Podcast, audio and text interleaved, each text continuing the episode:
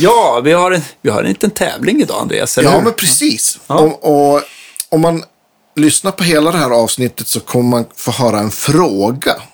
Det kommer man, man inte kunna missa. Men det vi vill då är att ni mejlar in till oss då ni har hört den här frågan. Då mejlar ni ert svar på podcast.guitargeeks.se, eller hur? Jajamensan, och det kräver nog att man måste lyssna på hela avsnittet. Men det går ju fort, det vet ni. Ja, ja. Svaret finns alltså. Är det jag som nämner det kanske? ja. så kan det nog vara. Säger svaret där. Ja. Någonstans. Frågan är tydlig. Ja. Ja, Nu kör vi podd. jajamensan.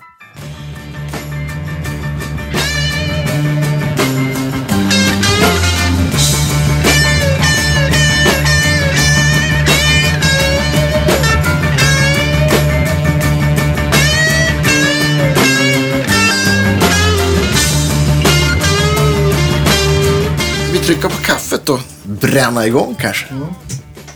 Ja, gör du det så, så, så hälsar jag alla välkomna till Guitar Geeks podcast. Och det här blir väl avsnitt eh, 300, är det 49 eller 50? Jajamän, Ja, 349. Mm. Eh, och eh, vad heter det? Vi välkomnar än en gång Göran Elmqvist från Sound of Silence. Så välkommen hit. Tackar. Och idag blir det eh, totalt onördigt. Vi kommer inte djupdyka i någonting, Nej. utan bara prata eh, öppna ackord. Nej precis, precis. alls. Ja. Nej, men du, du, har, du är ju eh, så väl förberedd till våra program genom att du har, eh, du har lite, lite anteckningar och grejer Ja. som du inte vill missa och ta upp. Ja, men precis. Jag, jag och Göran pratade för att det är nämligen så att Göran firar ju 100 bord. Och har, har ju byggt ett guldbord. Skönt, jag trodde det var hundra år. Det var inte... Ja, det, Du ser väldigt har- ung ut förresten. Ja. Alltså, Vi har gjort 100 installerade bord och här är det 99 bordet. Guldbordet. titta!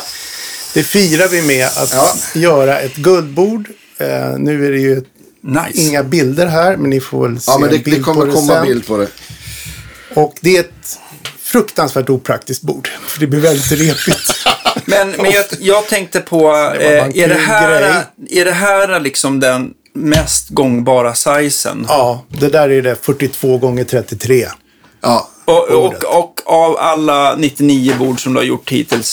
Det där är 99 bordet. Vi har Ja. gått över 100. Ja, okej. Men, men hur ska man säga, hur, hur många har den sizen, skulle du tippa på? Ja, just det. Ehm, jag skulle säga att jag tror att det är 70-75 procent Ah, okej. har den. Och eh, resten har 60-40-sizen. Just Sen det. finns det några större bord. Eh, jag tror att... Kaffe? ja, tack. Jag tror att mm, du hade väl ett... Du och David Henriksson tävlade om det bredaste bordet. ja. Och Men 90 jag hade ett som var sånt där. 90. Ja. Så att eh, några av de där borden har faktiskt pensionerats eller så har de gått vidare till att bli midi-bord. För där behöver man den här breda sizen. Men, du, men du, du kunde aldrig ta och med dem på 10 gig va? För att då, även om du fick plats på scenen så var det inte tillräckligt många som bar. Det var Nej, exakt. Mm, det var så jäkla tungt. Ja, man, det beror på hur man ser där. För att vi var, vi var i Umeå på gitarrmässan. Och, d- när du spelade. Mm. Just det. Och David var uppe och spelade. Och, Ja. Och det var så många pedalbord på scen så att ni hade ju ingen plats att stå till slut. Nej, det såg faktiskt komiskt ut. Jag såg. Jag, hade ju två. Jag hade ju Helix till Weissenbornen och mitt vanliga Carry On. Mm. Ett av de som Göran har byggt. Och David hade ett. Johan Borg hade ett. Och basisten hade två. Mm. Bredvid varandra. Så Ja, att du har ju hur många pedalbord det Så blir. stod ni där efter varandra på rad. Skitkul. Är det där Ja, ta vilken du vill. Eh, ta, ja. jag, fick den. jag fick det vita fåret. Här. Vit Kom- Guitar Kommer du, Finns kommer du det- ihåg det första bordet? Ehm, nej, det kan vara... Åh, jag kommer inte ihåg. Det kan vara uh, ditt bord Ja. faktiskt. Kan det ha varit. Någon Men det var du lite större, för jag kommer ihåg att jag Ja, gjorde... du fick ett specialmått. Ja, Vi hade specialmått. Det var väldigt mycket specialmått. Amanda. Jensen, det här måste Ja. varit alltså 2011 kanske, eller något sånt där. 2010, Det kan ha 2011. varit något sånt här 60-30 eller något. Ja, det var lite speciellt, tycker jag kommer ihåg. Men eh, jag gjorde väl... Jag, Just det. ja. Jo, men du var en bland de första som hade just det. Vi hade lite andra varianter ett tag. Eh, ett tag skulle vi göra ett, ett plexibord. Det finns en, två prototyper på ett plexiglasbord. Okej. Eh, och Men, men var, det så, var det den varianten eller var det ett sånt man kunde alltså, ha saker nej, det var under? ett platt. Det var ett platt också. Men ja. det blev så... Det såg inget bra ut. Att du ser ju rakt igenom. Det ser väldigt rörigt ut. Så Ja, jag tänkte jag det kan bli bra på bild att ha ett plexibord. Men det var, det blev det inte. det var inget bra. Eh, jag, jag tänkte också, eh, du har väl också valt den där sizen av en anledning att det är ganska lätt att hitta gigbags och hardcase kan jag tänka mig. Precis. Ja. Ja, det är ju där, det är den här case-frågan som har styrt det må- många gånger. Och ehm, när man har tittat på caser så när det gäller mixerbord, caser så är de ganska djupa. Va? Och sen när det är keyboard-caser då är de kanske bara 30 Precis. centimeter i djup. Just det. Så man försöker ju hitta liksom något som redan finns eller och sådär. Och det, det som jag använder nu är bland annat eh, en, en sån här DJ-caser för DJ-mixers. Ja, okej. Eh, De är ju digitala de med. Ja, alltså det, just det. det är inga skivspelare så, men det är controllers liksom. Som, Vil- Vilket märke har du fastnat för när det gäller case? UDG har vi använt mycket av där. Och, Är det som pelikan-caser ungefär? Eller? Nej, alltså det är, mjuk, det är mjuka. Mjuka? Ja, kraftiga mjukcaser. Eh, sen har du ju... Åh, vad heter de? Står det Mono har du ju Mono, använt. Ja, såklart. ja. Mono, ja. Mono cases är bra. Det är bra gitarrcaser också. Ja. Lite, Ja, jättebra. lite kraftigare. Liksom. ja, lite kraftigare. Det finns, ju, fast lite mer stoppad sådär. det, finns ju, det finns ju Mono. Sen så har jag ju vissa som använder Reunion Blues har ju varit väldigt bra Ja, just det. också, Ja, de är jag. fina också. Ja. Och sen så Slickbag har väl alltid varit Ja. på en kant. men Slickbag, de- absolut. Och, alltså Trailer Trash. Jag tror Slickbag, just den Slickbag-väskan kom från Trailer Trash-idén av Just det, precis. väska. Och Trailer Trash gjorde ju flatboards. Som det fanns att få tag på. Så att vi, vi har byggt många, vi har installerat många bord. Mm. Men när, vi liksom, när det började komma igång på att okej, vi vill ha ett eget bord, ett, ett Ja. flatboard. Då slutade det med liksom två storlekar för att kunna matcha caserna. Men jag tror att du gjorde, jag tror till och med att vi byggde ett specialcase till det. Ja, jag tror, jag kommer inte ihåg om det var Audio Industries som Jo, gjorde någonting det. va? Det var- De har, alltså, det finns ju några case-tillverkare som gör så här Ja. äh, snygga plywood i, med äh, aluminiumbeslag.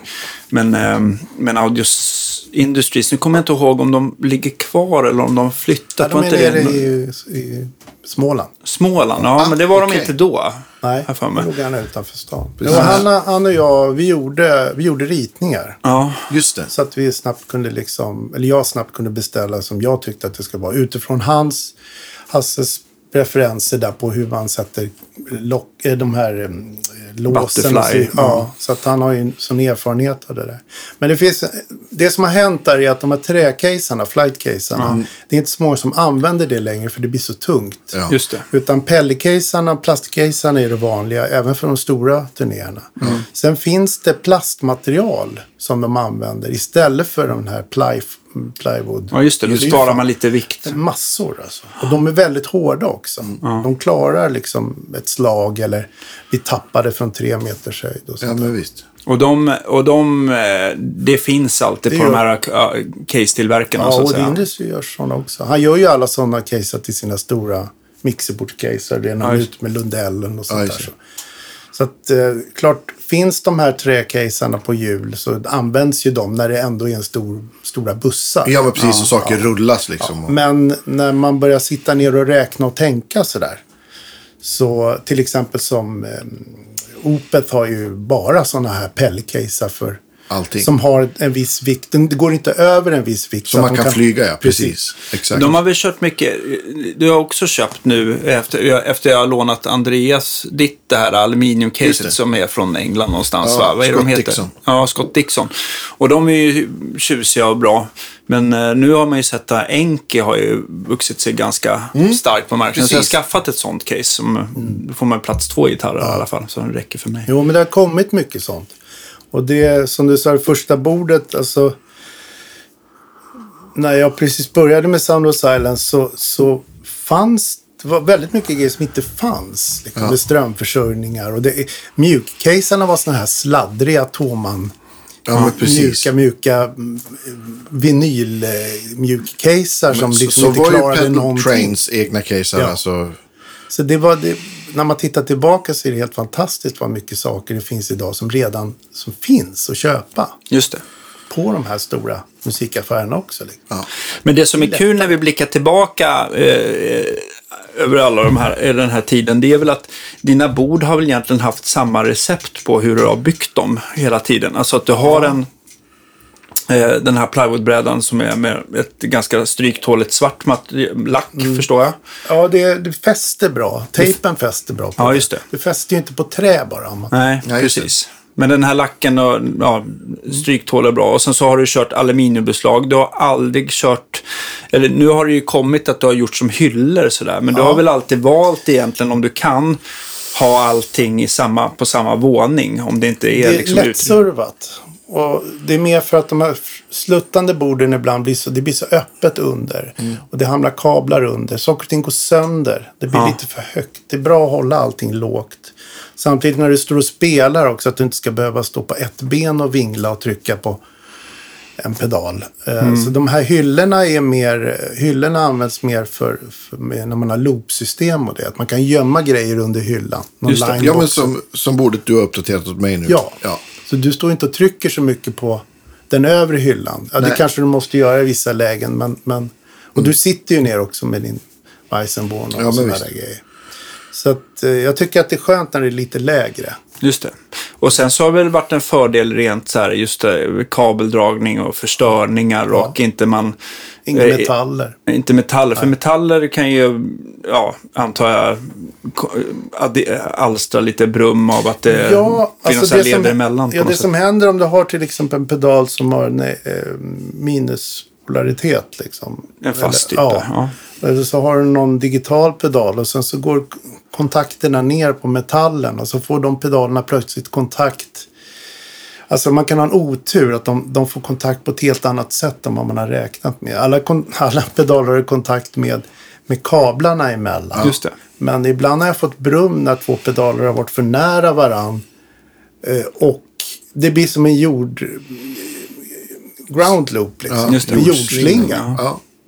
Som jag faktiskt egentligen inte kan förklara. Men det bara händer ibland. Ja, just det. När det är väldigt många pedaler och sen så är det två pedaler som nuddar varann. Men de är långt ifrån varann i kedjan. Ja. Säger den första och sista. Och Då blir det två så. Stycken eh, jordpunkter. Just det. Och sen har de olika ström. Och då kan det bara plötsligt börja brumma. Ibland får man tejpa eller lägga grejer emellan och sånt Just där. Men kan det räcka så med att man sätter en typ en Ja. eltejp eller något? Ja, man lägger något emellan liksom. Ja. Se till att de inte nuddar varandra. Och, och sen så försöker vi ha alla pedaler innanför bordet. Ja, just det. Och det, det är också ett tips till, till de som bygger själva på kanske ett sluttande bord. Och, och det funkar jättebra. Men försök att hålla allting innanför kanterna. För Precis, när du packar det sen så sticker det ut en strömkontakt eller något. Och då Ja. går den oftast av eller börjar glappa eller något sånt Ja, där. precis. Det knäcker lödningarna Ja. i pedalen. Ja. Ja. Och de börjar liksom röra på sig. Och även med jacken, och, alltså vanliga Ja. in och output. Mm. Så... ehm, ja. Värdefulla tips helt enkelt. Och sen så har du ju alltid använt, eh, vad är det mer som man ser som du alltid kört vidare på? Du har alltid varit 3M-tejpen jämfört med vanlig kar- kardborre. Ja, Eh. precis. Men den, den har ju nästan alla börjat använda. Ja. Så ett tag fick man ju förklara att det här är Dualox 3M Ja, hårda tejp. Ja. Som du faktiskt kan bryta av pedalerna. Men det är ett bra lim på dem. ja just det. Så kardborren blir ju som en, en matta. Det fastnar ju en massa hår och grejer. Ja. Ja, visst. Har du hund hemma så är det mycket. Exakt. Kommer ihåg då, och man, då folk rökte på krogen. Då hade jag pedalbord som jag hade byggt själv. Där jag hade täckt allting med, med liksom den här mjuka delen av kardborre. Ja. Det var ju liksom en... Jag, fröjd. döp, jag döpte det till krogsunk som fastnade överallt. Men ja, det, det, ja, det luktade fick- sådär. Det var svårt att få hitta 3M från början. Jag använde, de första borden var, eh, använde jag kardborre. Alltså det, det har gått från 0 till 100 kan man säga. Och det, och, och det är på grund av att, att det liksom har blivit så mycket pedaler. Så det ena har ju fött det andra. Det är absolut inte Sound of Silence förtjänst. Det är inte så jag menar. Utan det är liksom det tillverkas massa strömförsörjningar och pedalbord och grejer du kan bygga själv. Och de här square plugs, de här små kontakterna Ja, som just det. kom, är ju revolutionerande. Ja, visst.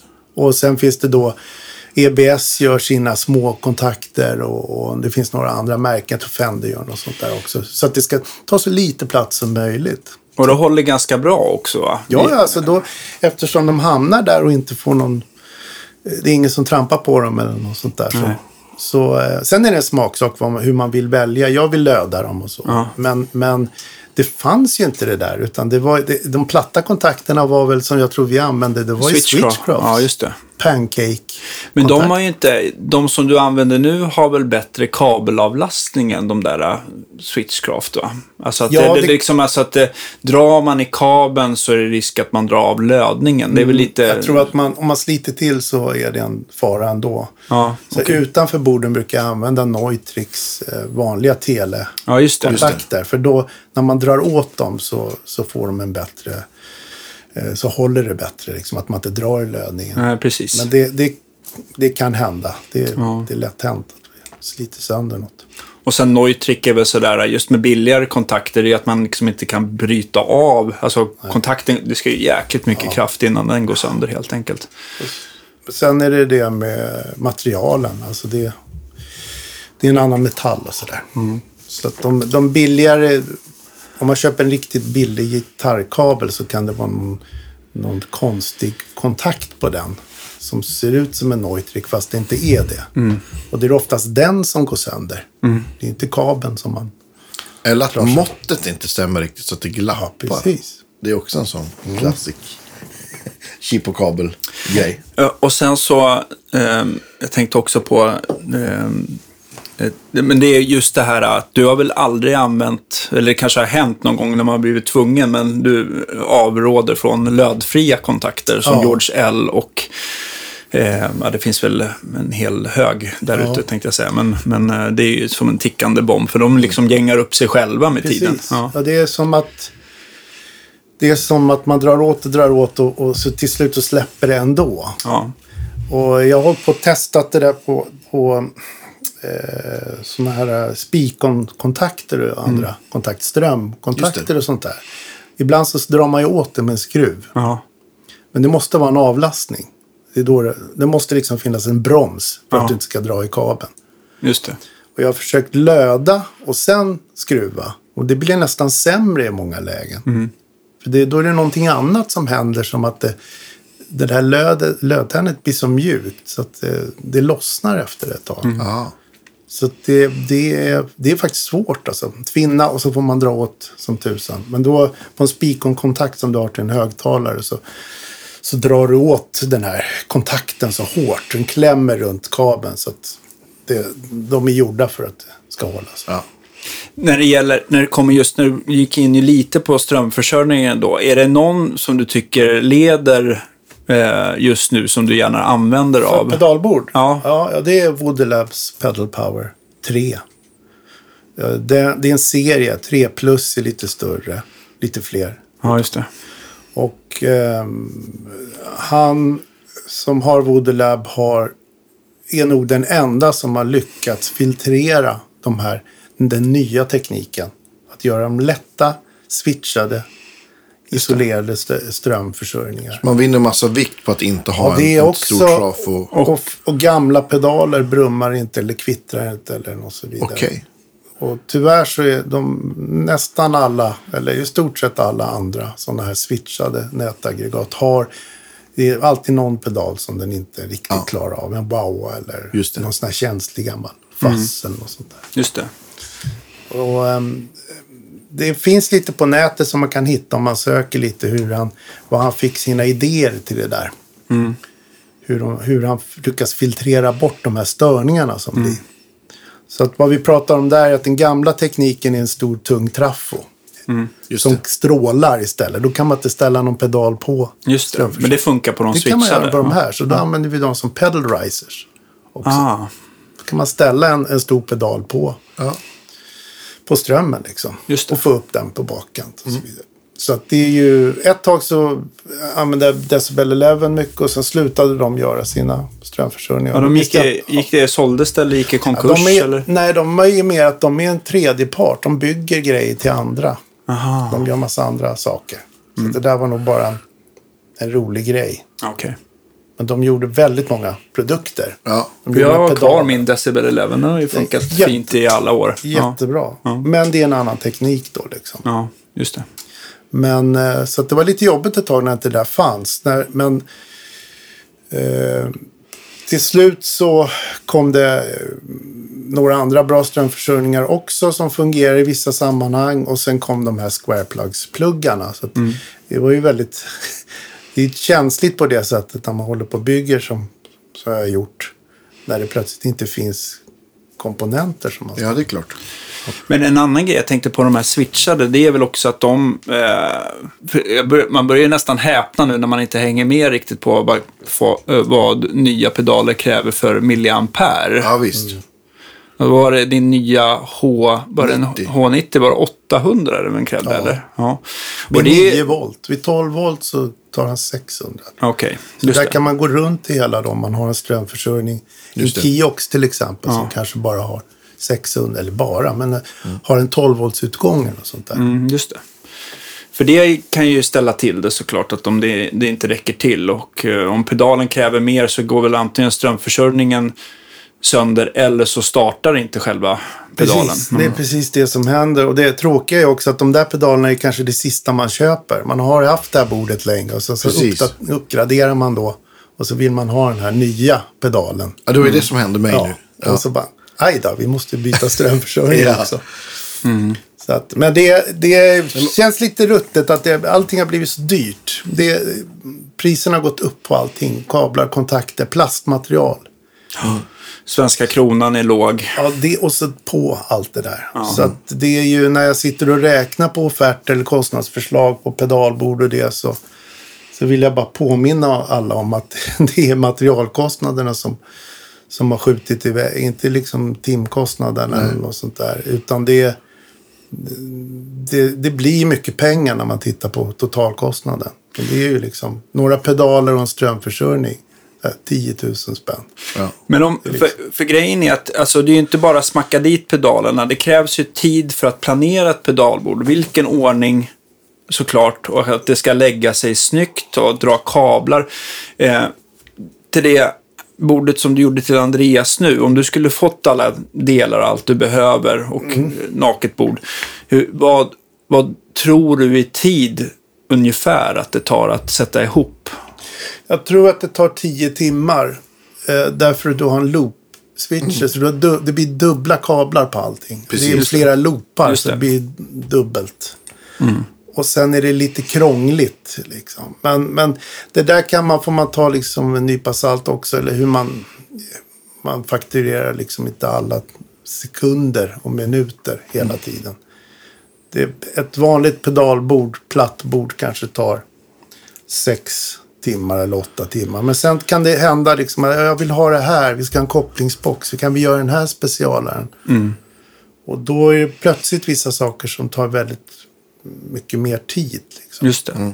Om det är midi och Såklart. ska midi-splittas eller liksom. Men en, en, en typisk kopplingsbox egentligen, det är väl egentligen att, att uppe i ena hörnet, där har du liksom in, ut och eventuellt om du vill ha en om du använder en stärkare som du vill ha vissa effekter i loopen och så vidare. Så att det liksom, Och byta kanal. ja, byta kanal. Och sen så är det väl också just att när du inte vill använda loopen utan att, att pedalerna ska gå i, i serie innan förstärkaren, om du bara har en enkanalsren förstärkare när det inte Ja, behövs. då kopplar man Då- bara utifrån. Ja, så kan man bara dra ut dem så kopplar det förbi. Så det kräver lite eftertanke. Det är inte bara... Ja, precis. Nej, men det, det, har, det har blivit en standard, de där boxarna. Eh, sen kan man använda dem för DC-utgång också. Om man säger att man har en wah-wah-pedal vid sidan om, bara ibland. Just det. Då kan man ha liksom en koppling. Bara för att det ska vara smidigt och liksom koppla upp och, och, och resa med. Det är det det som är tanken. Liksom med det där. Och sen så en annan sak som också eh, sparar tid med nu, nu när det har liksom blivit över 100 bord du har satt ihop så har ju du liksom du vet ju vissa saker som det här kommer inte funka liksom. Så att det kan bli, alltså vad jag menar med att när folk gör det själva så kan det ju bli en jäkla både dyr och eh, alltså eh, ja, dyrt och det tar tid att få ordning på det och man kanske inte förstår varför. Liksom. Nej, precis. Ehm, det, jag fick en fråga nu i veckan om en... Han var lite tveksam till, kan jag inte få, köpa bordet? Nej, men jag, det står inte gör bord och bara säljer dem, utan jag vill sälja hela tjänsten. Och då skulle han byta väldigt mycket pedaler hela tiden. Just det. Men då ringde jag upp honom och så pratade jag med honom och sa att det, nu får du min hjälp och support. Vilka pedaler ska du byta med? Vad har du för strömförsörjning? För då, Där behöver han tänka ett steg framåt då. Precis. Så att han har lite för mycket ström. Just det. Ja. Och sen måste inte jag sätta fast alla pedaler. De kan ju vara lösa. Man kan ha tre gästpedaler som byts hela tiden. Just det. Precis. Det behöver man inte sätta fast alls. Man får, Men- bara, man får bara räkna lite på att jacken kan sitta på lite olika ställen. Ja, och, men och, lite för lång kabel bara. Så att det, det, det är inget konstigt. Men det är ändå, tror jag, oftast så är den här början, slutet, stämapparaten och delay, reverb, strömmen, kopplingsboxen, allt det här. Va? Det, eller favoritpedalen som alltid är med. Just det. Men, men det som jag märker där är de som gör mycket musikal och sånt där. De kanske, ibland har de faktiskt två bord för de vill ha någonting som står på stället Precis. hela tiden. Just det. Eller så har de ett satellitbord. Som de kan ta med sig. Grundbordet tar de alltid med sig. Så har de satellitbordet med lite konstiga pedaler på som bara används ibland. Eh, Jag tänkte också nu, eh, liksom idag jämfört med kanske för ett, ett och ett halvt år sedan. Har du märkt någonting så här efterfrågan eller någonting som har liksom skjutit i höjden, eh, alltså i popularitet, vad folk vill ha och ute efter som, som inte fanns för ett eller två år sedan? Ja, alltså. Det är många, komma? Vad fler och fler som vill ha någon digital lösning på bordet. De har en pedal som har en stärkare och IR. Som en Helix HX Stomp eller, Mm. eller en Iridium, Iridium eller en. UAD. Det har, ja, Ja. ja. UADs grejer. Ja. Så det har jag märkt. Eh, Men det som känns roligt är att man behöver inte sälja in saker och ting så hårt längre. Det fanns en tid när man var tvungen att förklara att du måste ha den här strömförsörjningen, du måste ha det här. Idag så är nästan alla så medvetna om, de har tittat liksom på YouTube, Ja.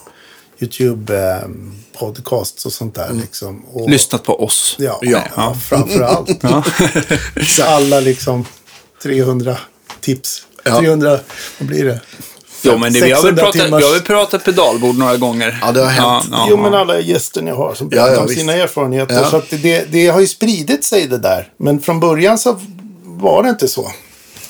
Nej. Då, var det, då fick man leta liksom efter de här specialgrejerna. Just det. Så, och det har, ju in, det har ju lett till att vi har uppdaterat väldigt många och lämnat många saker. Just det. Eh, Andreas, du har inte det där stora bordet kvar. Nej. Och du gör andra gig. Så du, Alltså, du gjorde ett mindre bord. Och, Ja, precis. Och Ja, sen lite mindre. Sen så, är, sen, det. sen så är det så här, alltså, jag tittar på mitt bord och det, är- det är, eh, det är väldigt... eh, eh, det, det, är väl, det är några grejer som alltid sitter kvar. Sådär. Mm. Nu, nu sålde jag min Baby Pink Booster bara för att eh, här...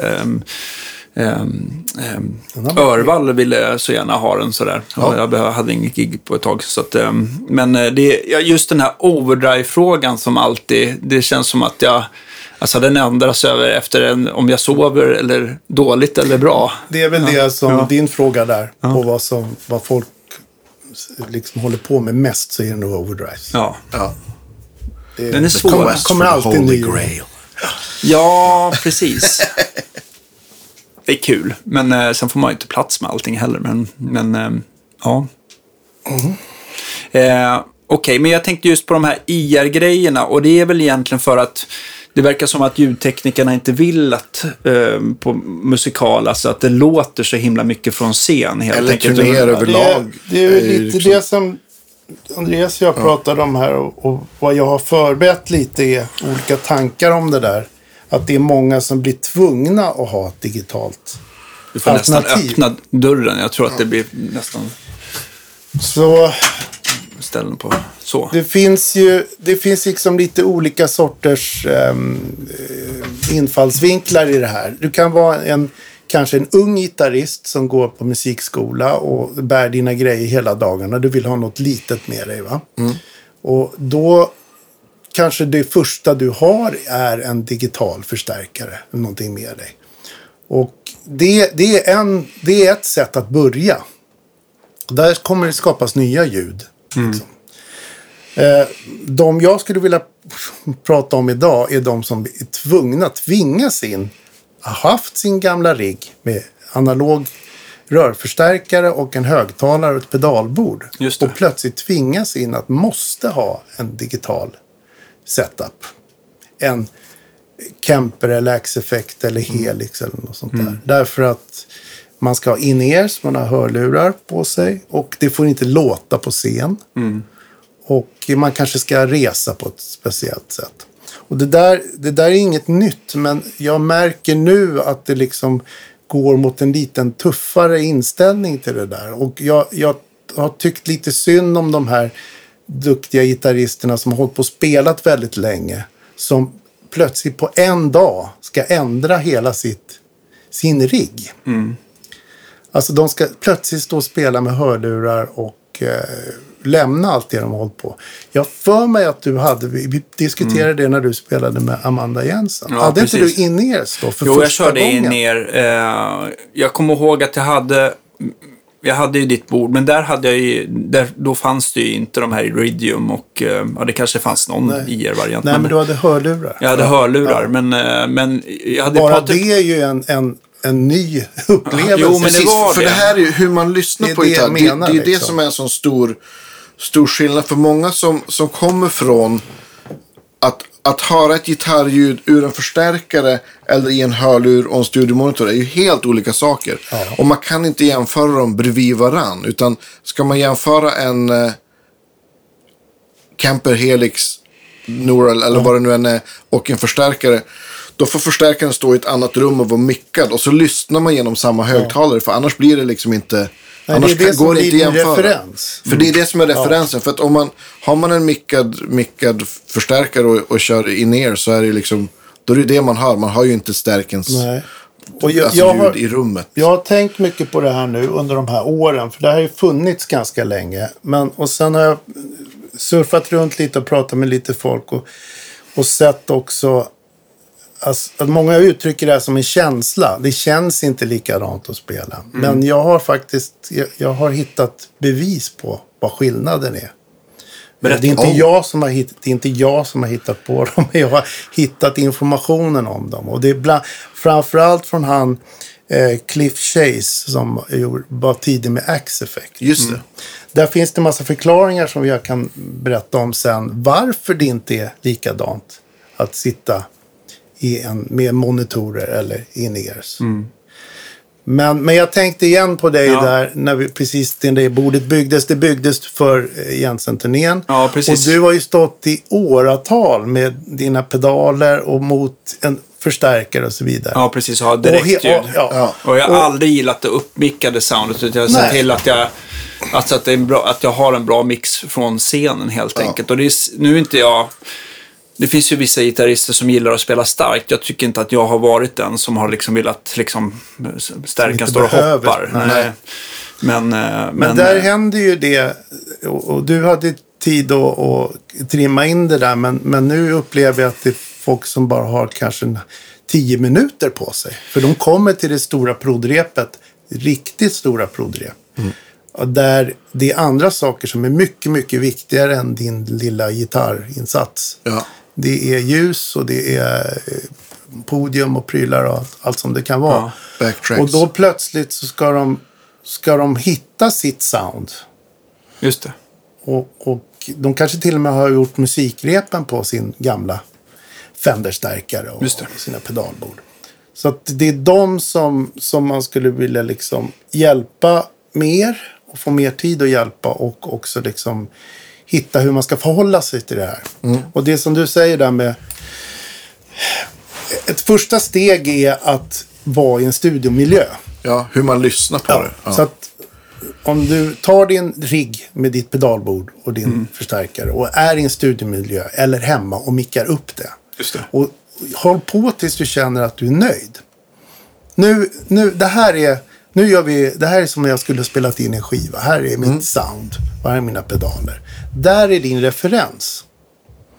Det är den du hela tiden ska återgå till och försöka härma. Just det är det. referensen. Just det. Och så har det ju varit med alla andra saker också om du byter gitarr eller provar en annan högtalarlåda eller något sånt. Du har ju någonting som du har haft länge och så jämför du, gör en shootout, AB-testar. Ja, det här var bättre, det här tycker jag bättre om. Och det, det är liksom ett scenario som jag tycker är väldigt viktigt. Eh, Jag är inte så intresserad av dem som säger jag har köpt en ny preset, jag har köpt, det här är nya Kemper presets och så vidare. Eh, därför att de, de är inne i en annan process. De letar efter någonting. Ett ljud som, är, som, som kan inspirera dem och så vidare. Men de är inte så intresserade av att, att kanske klona eller liksom Nej. härma det du redan har. Eh, och vad tänkte jag säga där? Jo, det, alltså det som finns idag. eh, Det finns en massa pedaler. Om vi börjar där. Tone X, UAD-pedalerna. Jackson Audio, Strymon Iridium, Moer. Det finns hur många sådana här. TC Electronics har precis släppt tre stycken också, såg jag. Och det är en förstärkare, simulering och en IR-simulering. Ibland är det bara Alltså. IR för folk som inte hänger med, då är högtalare. Precis, det är impulsrespons. Det är, någon har, har eh, samplat av en högtalarkon. En, ja, en uppmickad Ja. högtalare. Ja. helt- Ja, just det. Och då har du allt det samlat. Och det kan till och med finnas en hörlursutgång på dem där. Jag tror Iridium har en sån också. Och Helix eh, sa jag, det sa jag inte där faktiskt. Eh, HX-stompen ska ju vara med där. Det är också en pedal. Ja, men precis. Fast den är lite mer avancerad. Men den, den är mer en helhet. Men, men det finns väldigt många pedaler. Tonex verkar låta väldigt bra. Och eh, då kan man ha den sist på bordet och så linar man in det. Just det, men jag tänker också att det kan vara ganska... ehm, att jag tänker att, att det är rätt vanligt att folk fortfarande använder sin, sin rörförstärkare, men blir ibland... Eh, eller kanske att de har sin högtalare, förstärkare på scen, men, men ljudtekniken vill gärna ha den här IR, alltså den här pedalen också, Ja. att man kan koppla det så. Då Men finns det- det väl de som är mer smidiga för en sån lösning än andra. Absolut. Och det, det är mer en praktisk lösning. Och, det, och egentligen, de är inte heller så... Eh, tänker jag inte så mycket på nu heller när jag tänker på det här scenariet. Ja. Därför att det är ändå en kombination. Ja, Vad jag skulle vilja säga rakt ut är det att om du ska, om du ska gå digitalt så är det bättre att gå digitalt hela vägen, även med pedalerna. Så nu pratar jag mot mig själv här. Därför att när du börjar blanda digitalt och analogt så får du den här konverteringsproblemet. Det är utmaningarna med den digitala tekniken är ju att det är analogt någonstans, i alla fall från gitarren Ja, till att börja med. Men du menar alla, alla ADD-omvandlingar så blir det liksom, så känns det som att det blir en mikroskopisk latency, men det där byggs på och det, till och slut så känns... Ja, och, och brus. och till slut så känns det för annorlunda helt enkelt. Ja, för tänk på hela kedjan. Först har du en gammal Fender-gitarr. Ja. Sen har du en digital sändare. Ett Ja. digitalt sändarsystem. Och den bästa, alltså de bästa eh, sändarna, vad pratar vi om med latency idag? De som är... De, är- det är ganska låg latency, men det kostar pengar. Så du kan inte, du kan inte få en bra sändare för, för tusen kronor eller något sånt där. Tyvärr. vilken skulle du säga är bäst på marknaden av det du har provat hittills? För gitarr tycker jag Shure har en bra, eh, ett bra upplägg som man förstår. Som Ja. gör att man hittar rätt volym. Därför att när du precis kopplar i de här grejerna så är det alldeles för starkt. Mhm. Mm. Du måste lära dig att gå in i den här sändaren som du har på ryggen där. Just det. Och ställa ner volymen. Och sen kompensera mot mottagaren. Så att du får en unity gain. Att det blir lika starkt som du hade haft en sladd. Just det. Och är det, kan den också, eh, för att just det här att vissa sändare gör att det liksom inte har den här kabel som, kabeln som lastar ner, har den möjlighet att man kan ställa hur mycket den ska runda av så att säga? Ja, eh, jag tycker att de, många av de där behövs inte det, utan de har blivit så pass bra. Okej. Line 6 har, Line 6 är också ett bra system. Mm, lite dyrare. De har en sån cable... Vad de Till och med på några av de, de bil, inte den billigaste, men några av de billigaste har ju det och billigare Mm. har ju det också. Men jag tror tror att det är en smaksak GL30, det där. ja. Därför att eh, det är inte säkert att alla vill ha det så. Att det ska bli dovare. Nej, Spelar du metal eller liksom ska ha mer krisp i allting och high gain och sånt där så om kanske... man är van att spela EMG, att det inte är det där Precis. helt enkelt. Ja. Mm. Men har, du får ju ett stort problem om du har massa gamla fastpedaler och Ja, sånt där då när sändaren kommer. Men det, men det är ett annat kapitel. Ja. men det är i alla fall en digital, där sker en digital konvertering från Mm. analogt till digitalt, digitalt till analogt. Just det. Har du någon, någon koll på ett, sånt, ett bra short-system? Hur många millisekunders latency Eh, du det lägger är på? Fyra, kanske tre kanske. Ja, tre, fyra. Ja. De billiga så kan du, om du in, inte vet hur du ska ställa in dem, så kan du komma upp på 6 eller 8 millisekunder. Mm. Och det- det... du väljer fel kanal. Just det. Så du måste titta på, du måste läsa manualen ordentligt. Och det, är blir ju ingen som att, det blir ju så, eftersom ljudet färdas x antal meter per sekund, Mm. 300 någonting, så eh, till slut så blir de där millisekunderna, eh, alltså det blir som att man bara flyttar stärkan längre och längre, längre, längre bort Ja, det är väl 3 millisekunder i en meter, tror jag. Ja, just det. Om jag säger det. Eller 0,3. Eh, ja, jag kommer inte ihåg. Ja, det men, det blir, men det blir att till slut med Jo, alla de står här... längre från högtalaren. Ja, precis, ja. Mm. Om du ställer, ställer dig då sex meter från högtalaren så är det... Men, det, Ah, det man hör, men det, det låter nog ganska bra, men just att den här att det, just att man slår an och känner att det liksom, det, det är inte det här direkta svaret som när man kopplar Nej, in i en stärkare liksom. Men, men tänk vidare då. Vi säger att vi har kommit ner till vårt analoga pedalbord. Ja. Sen har vi en digital pedal mitt i pedalbordet. Mm. Som alltid är digital. Det är en modulationspedal som du tycker är jättebra. Nu Och pratar vi typ en, en eh, Strymon Mobius kanske? Nej, den kanske är... Ja, om den är som en, som en Facer eller någonting. Ja. Då, mm, men Strymons pedaler är ju blandar analog signal med digital. Alltså deras delay och så vidare har en analog path. Just det, så där får du inte det latency-problemet. Men en Eventide till exempel, en H90 eller H9 eller något sånt. När den är på så är din signal digital. Då har du typ 2,4 tror jag att det är. Ja, då Läste får du lägga på. på det. Så har du två sådana pedaler, då har du liksom gått upp då till vad har vi, fyra millisekunder där och så tre där och tre, ja, sex, tio millisekunder. Mm. Sen har du en... Eh, sen ska du in i en digital stärkare. Som Ja, men- sen ska ah, bli analog igen. För att gå vidare till ett digitalt mixerbord. Mm. För att sen åka och bli analogt. För att sen gå in i ditt in-ear-system. Som är Som är digitalt. digitalt. Som också är en sändare. Så det kommer tillbaka i dina öron. Helt plötsligt har en du vecka 20 senare. millisekunder plus. Precis, I värsta fall så blir Och då, det så. då kommer det glädjande nog till de här gitarristerna som är lite på i tajmingen. Ja, får ju många jobb. Ja. Precis. Nej, Så men, ska du spela någon snabb eh, Prince Funk-låt där. i 150 BPM. Då börjar du känna att det vad segt det är i högerhanden. men man, man brukar väl säga att under 10 millisekunder märker vi liksom inte så stor skillnad. Det är liksom så lite så att då- det märker man knappt. Liksom. Nej, man, Det, Men du får, du får andra problem där. Det är nästan, under pandemin här så var det många som satt och jobbade över nätet. Och då kan du ha så här 20 millisekunders fel. Men det har vi konstigt nog människan ett möjlighet till att kompensera för. När det är liksom mycket delay, mycket latency. Ja. Det är det som att liksom hjärnan kan ta hand om det. Men när de här korta, under 18 millisekunder eller kanske neråt 10 och sådär. Ja. Då blir det liksom bara en känsla eller ett sitt. Eller liksom. Precis. Sen händer det andra saker också då. När du står med dina in-ears på dig på scen. Så meningen med in-ears är att du inte ska behöva ha så starkt från högtalarna. Vilket, Kunna- vilket du har, Andreas. Ja. Ja, ja. Så att, och då har du väldigt starkt in-ears-lurarna så är du ju där igen i en skadlig arbetsmiljö. Absolut. Alltså.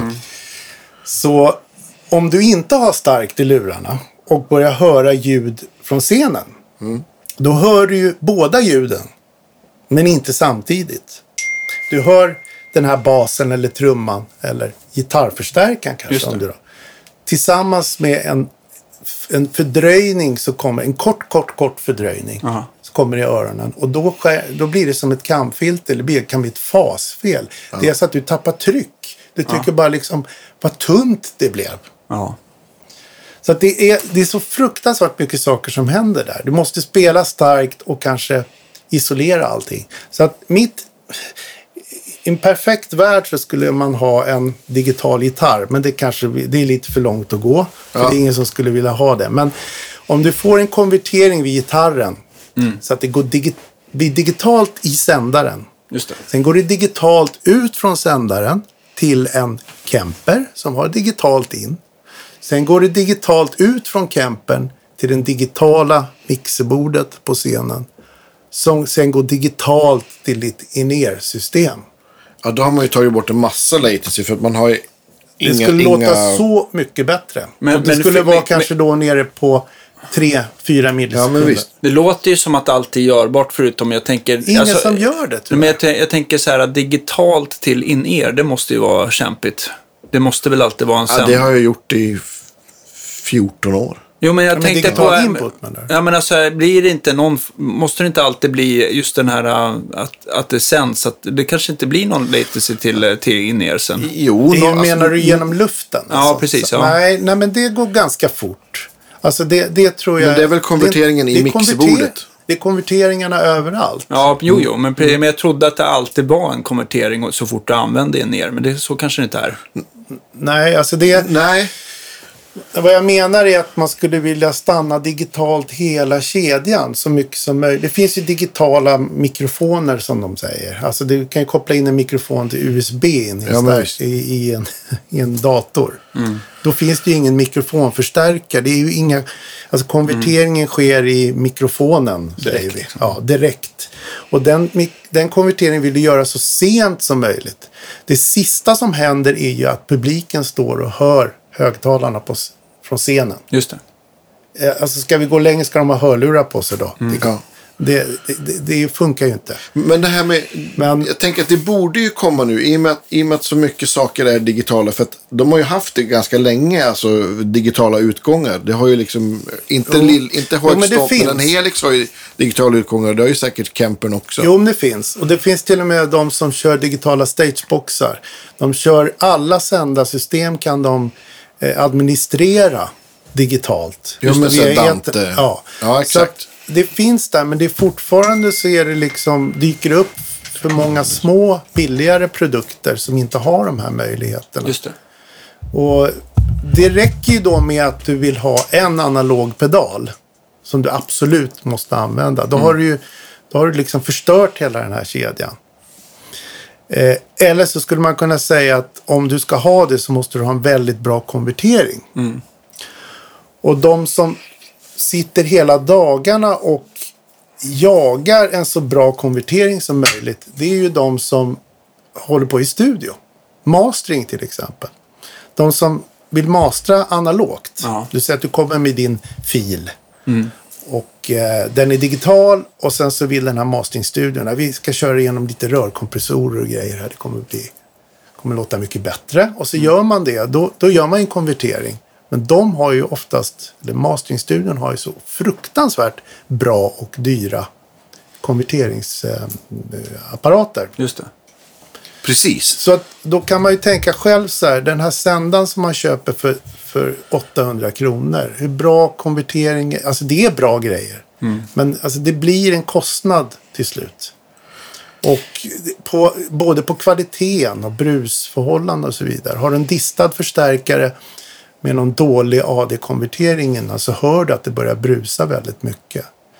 Men jag tänker också live att det är, det är ett annat problem för att man skapar ju musik i stunden tillsammans. Så man vill ju ha liksom, för att band ska låta bra och tight så vill man ju få samma, att det ska kännas bra Ja. för alla liksom. Och det, jag tänker just på en masteringstudio, då är det ju liksom, här är en färdig mix och Ja, där kan du ha latency också. Där, Ja, ja. där, den latencen påverkar ju allt liksom, så att det gör väl kanske Men inte... jag menar kvaliteten liksom, Ja, på, ja, på, ja.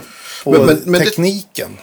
Det är Och- den man måste jaga lite också. Precis, och, och det har man också så här, ja, men om man ser så jämförelsevideos här. Låter Tone X lika bra som Camper eller Quad Cortex? Ja, Det beror ju på vilket ljud. det Alltså, beror på vilket ljud. Det är liksom, det, men det man kan kolla i, självklart så har ju en produkt som kostar 4 eller 5 tusen vad det nu ligger på.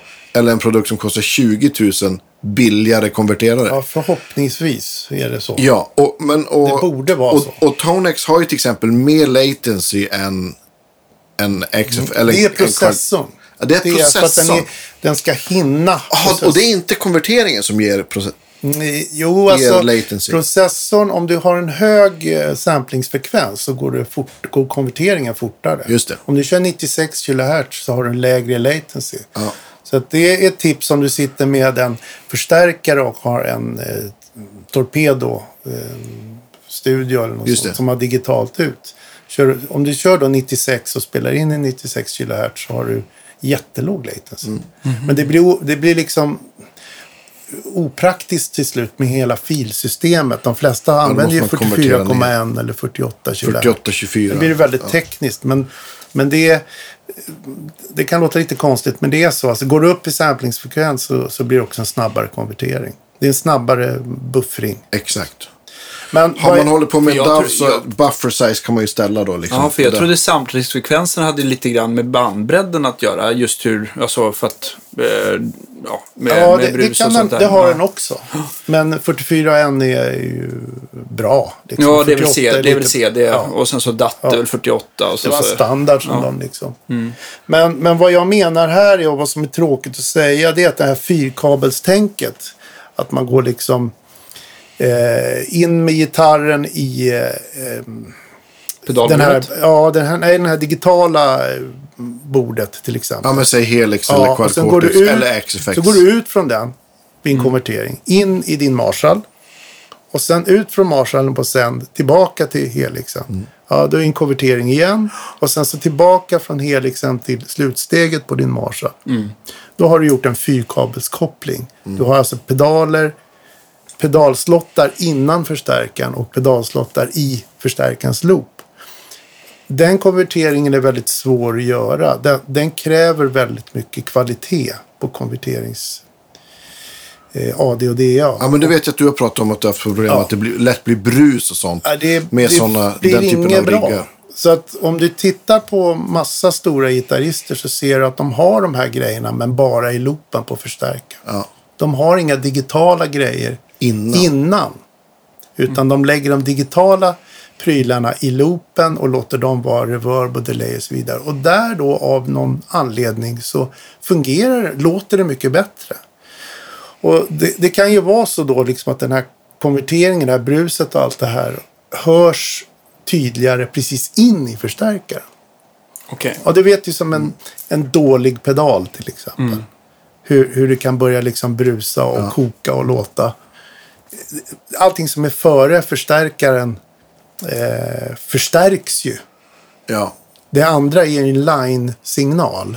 Det andra är som i en studio kan man säga. Det som händer i, I loopen, ja. i Men loopen innan på- de har, då, särskilt om de har en high gain-förstärkare, då blir det liksom förstärkte det bruset Ja. så att det kanske blir oanvändbart till och med. Och det, menar, då är vi tillbaka igen till det här vi pratade om där med att alla är intresserade av att testa nya overdrives och så Mm. vidare. Vi, vi ot- gitarrister är otroligt känsliga på vad som händer mellan gitarren Och hur det känns. förstärkaren. Ingången till förstärkaren. Ja. Så att eh, om, man, om man har tid på sig så skulle jag nog gå så långt så att jag försöker vara digital hela vägen. Det att jag det väljer bort de här analoga pedalerna och försöker hitta dem i Helix-världen Ja, istället. visst. det är jättemånga som kör kombinationer och jag, jag pratar verkligen mot mig själv och hela allt jag har byggt. Men, men eh, man kan inte vara hur nördig som helst heller. Jag, jag säger bara det att ta en funderare på det ni har. Titta på hur ni gör. Eh, jag vet att du gör massa kopplingar som, som man kanske inte skulle rekommendera eh, för någon som liksom precis har börjat spela därför att de, de är vana vid ett, ett svar.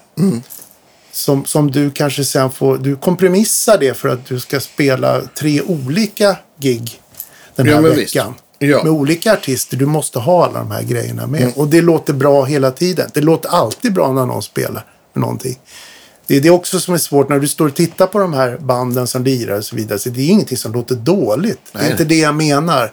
Men jag menar bara den här besvikelsen av jag har lagt ner 20 000, 30, 40, 50 000 på min gitarr och mina de här Ja, men jag pratar overdrivesen. jättemycket om, om Lasse Ja. Bjureld som faktiskt ringde medan vi pratade om det här. Det är ju faktiskt jätteroligt.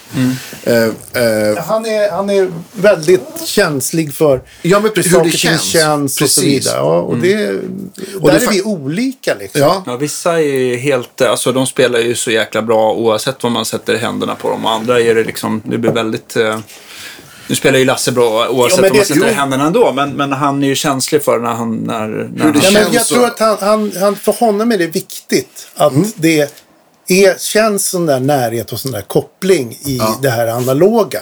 Mm. Eh, så då skulle jag säga till honom att om du måste köra digitalt, då gå digitalt hela vägen. ja, men precis. Sitt, sitt och vi, ratta vi ska som faktiskt tusan göra det sen idag. Ja. Faktiskt. Ska det, det känns så här, summan av kardemumman det är att, att blanda så lite som möjligt. Antingen så kör du så analogt det bara går hela vägen om du kan. Eller digitalt hela vägen om du kan. Ja, Ja. Och, och, Men, till, ja, men precis, till exempel Helix som jag älskar, som, som då den byggdes så har de gjort den så att den är lite som en loop switcher med fyra loopar. Mm. Men skulle man använda de fyra looparna då blir det ju, då, då plussar du på 1,8 millisekunders latency Mm. för varje loop. ja, sen brusar det. Jag satt med det igår och då märkte jag när jag la looparna efter förstärkarblocket så funkar det mycket bättre. Just Så det. där fungerar det. Det svarar faktiskt som en analog förstärkare. Och det gör alla de här prylarna. Eh, Det, det är andra problem också. Jag, jag ska bara räkna upp dem. Eh, Vad jag pratar om är X-Effect. Det är Ja. de rätt tidiga. Kemper, det är han Christoph Kemper som har gjort den där brödrosten som de kallar det för. Precis, och nu ska, precis, många av er som lyssnar på det här vet ju det, men en camper är ju en profiler som man läser av en förstärkare och en Den X samplar av en förstärkare Precis. och en högtalare. och en Helix eller en XFX är en modeler som modellerar. Det är olika tekniker. Förlåt, Sen har det fortsätt. kommit en dag som heter Neural DSP, Quad Cortex, som är jättepopulär. Ser Det är väldigt lite- många den- som köper den just nu. Det är så, den ser ut som... Eh, ja, men det är väl en pe pedalbordsplattform med en ganska en stor dis- iPad ja, med- iPad med stor display. Den är ganska lätt, eh, lättarbetad. Ja. Mm.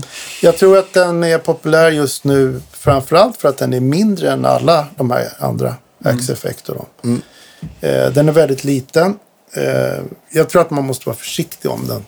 Alltså när man har den på golvet. Den har ju en touchscreen. Ja. Och kombinationen om med, med, med skor och, och en touchscreen. Ett vältande mixtativ. Ja, men ma- men många har ju liksom... Andreas Passmark, en basist som jag brukar spela med. Han, han har ett, liksom ett glaslock han sätter över. Folk gör liksom så här skydd för det. Då kan han ta upp massa köp- publik som köpa dansar. sådana? Ja, exakt. Det finns att köpa sådana Ja. plastlock. Decksaver heter de. Ja. Det finns till pedaler och massa, till syntar och så. Och sen har vi Boss har faktiskt en som heter GT1000. Just det. Så att de jag räknar upp här nu, de är helhetslösningar. De har effekterna, de har IR, de har allt det där. De har overdrives. Ja. Precis. Pedaler, förstärkare, effekter. När det gäller IR så finns ju Two Notes som var Ja. tidiga med sin Torpedo-serie. Just det. Och de har bara de små IRs nu, i små lådorna. De har slutat göra de här stora rackenheterna. Och där- Men där är det IR och förstärkare kan man säga. Slutsteg va. Precis. Men de har fokuserat på IR. -et. Det är högtalaren som de håller på med. Och sen har UAD, OX. Precis. Det är också en... Högtalare. Ja, och, Och där... studio kan man säga. För den har ju EQ, kompressor, reverb och delay också. Om man Precis. Ska, ja. Men den, där kan du inte ladda in dina egna IRs. Nej. Så den, där modellerar de högtalaren kan man säga. Mm, just det. Eh, Jag tycker att jag har fått ett bra resultat genom att hitta några IR som jag tycker om. Från Ownhammer till exempel. Eller Red Wires. De har jag alltid använt i Axe-effekten och i Kempen. När jag har suttit och jämfört. Ja. Så att jag har samma högtalare kan man säga. Men det är också en smaksak. Plötsligt så dyker det upp något annat som låter jättebra. Eh, jag märkte också på den här Line 6. I Helixen så kan du välja en högtalare där, de, där man modellerat en högtalare med, eh, eller en förstärkare med högtalare. Precis. De Det, tar det lite är mindre. ett block som heter Amp Cab. Precis. Sen kan du också välja liksom en Amp och, Och sen en IR. cab. Du kan ha din egen IR. Just det. efter. El- Eller deras egna högtalare som de, eh, block som de uppdaterades för Ja. ganska nyss. Och det blev superbra tycker Ja. jag. Och där har de ju gjort snort lite tänket från Two Notes. Att man kan liksom ha en, en förstärkare och så kan man flytta liksom mick. Byta mick och flytta, flytta närmare. Eller både, både alltså i djup och eh, vad ska man säga. Alltså man kan dra den längre ifrån och närmare eller längre bort från mitten. Ja, precis. Och det kan du inte göra på... När du laddar in din egen IR, då laddar du in en impulsrespons som är gjord precis på det där högtalaren sitter. Då brukar de gradera dem från 0 till 10. Så att Då vet man att 6, 7, 8, 9, 10 det är ute på kanten på högtalaren. Om man tycker om att vara där. Och 0 och 1 är liksom mitt på konen. Just det. det är lite ljusare sådär. Och då har man oftast en favorit och så väljer Jag brukar det på 6 eller 7 när jag vill ut lite på konen. Ibland så snedställer de micken också. Det, Men det ju... Det finns ju hur mycket IR som helst. Och det är ju jättebra för då kan man använda dem. Det kan man även göra till de här billigare. Moer hade någon annan gammal grej som man kunde ladda in sin IR. Och, eh, och framförallt i datorn om du sitter med en dator. Men det är liksom en annan värld. Vad, vad, vad, vi, vad vi försöker hitta här nu är liksom ett, ett sätt att tänka när du ska upp på scen och spela med. Live, Ja, på precis. samma sound, samma alla kvällar. Så vad som händer då är liksom att om du börjar med en högtalare då på scen och ett slutsteg eh, till din digitala rigg. Då kan du få ett väldigt bra resultat av det. Då känns det ju det mer som på riktigt. Men det finns några stora skillnader där. Och det är att, eh, och då kommer jag till det här som jag har lusläst lite om. Det är att det är ju inte sam... Det är alltså en, en rörförstärkare jobbar tillsammans med en högtalare. Eh, det har med impedansen att göra. Har du en transistorförstärkare, så jobb, eh, slutsteg alltså, då jobbar inte den mot högtalaren alls. Utan den är konstant bara. Ah, intressant. Och det har jag faktiskt inte vetat att det var så. Jag har bara Ja, haft en uppfattning om att transistorslutsteg har låtit lite plattare och kallare och eh, kan vara lite snabbare. Kan Mm. Just det. låta bra. Som Rolands, jag tror Rolands jazzchorus och de där. Ja, det Katana. kan vara, ja, kan vara väldigt. Men de samverkar inte med högtalaren. Och där har, så är det bara. Vad, då måste du, då måste du modulera det på något sätt. Och göra det liksom i din, jag, jag vet inte om Kempers högtalare och Kempers låda eh, och Kempers steg, att de försöker liksom eh, modellera den här interaktiva liksom, rörelsen mellan förstärkare och högtalare som händer. Just det.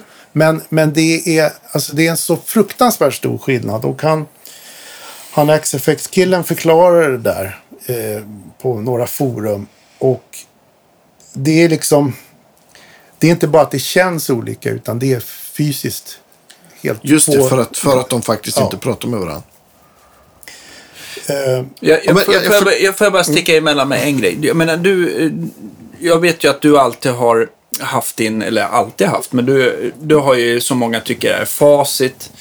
eh, Det vill säga en Friedman-topp och en bra låda till den. Som du tycker är skitroligt att koppla in din favoritgitarr och, och spela något ja, men det är min crunchigt. referens då, om jag säger så. Ja, det är din referens. Av alla de här digitala lösningarna, är det någon som du tycker så här, fasiken, det här är ju kusligt nära jag har Ja, det är Kemper Axe Effect just nu. Tycker jag. Då, de har jag hunnit sitta mycket, men nu håller jag på att sitta med Helix. Och, och, och den, det, ja, alltså, man måste ko- komma på de här grejerna som man ska stänga av. Man måste djupdyka i det. Campern har en grej som den har på när man, när man köper en Kemper. Så har den en breddare, en space-funktion på hörlurarna och utgången. Den står på tre. Det gör att ljudet blir lite bredare. Och det är Fasfel, väl- helt enkelt. Ja, det är väldigt bra därför att om du har hörlurar på dig så känns det liksom lite mer öppet. Det känns Kan inte det vara någon sån här pseudostereo? Att, man, att, man, alltså att de filtrerar vad som Ja, ska gå det- till höger och ja. vänster lite grann sådär? Den stänger jag av det första jag gör. Och det är massa sådana här små saker som man måste liksom titta på. Om jag nu ska liksom lyssna på det här, då stänger jag av alla delayer och reverb och sånt där, såklart. Så att man liksom kan börja från början och bara jämföra AB-testa Ja, dem ja just, just, just. Mm. Sen tycker jag väl att de har lyckats, alla har lyckats bättre med high gain-stärkare på något sätt. Det är mer förlåtande på något sätt. Instämmer. Eh, men så det var en grej som jag reagerade på där det här med alltså, hur, det, hur det jobbar med högtalaren. Det, det, det, det sam, den samverkan har man då inte när man står med de här hörlurarna. Och spelar, ska du spela Jimi Hendrix och gå fram och göra rundgång och hålla på liksom och trycka huvudet mot högtalaren och få liksom feedback och så vidare så kan du ju inte göra det. får du trycka den mot hörlurarna. Ja. Så att det är klart att det är en helt annan grej. Va?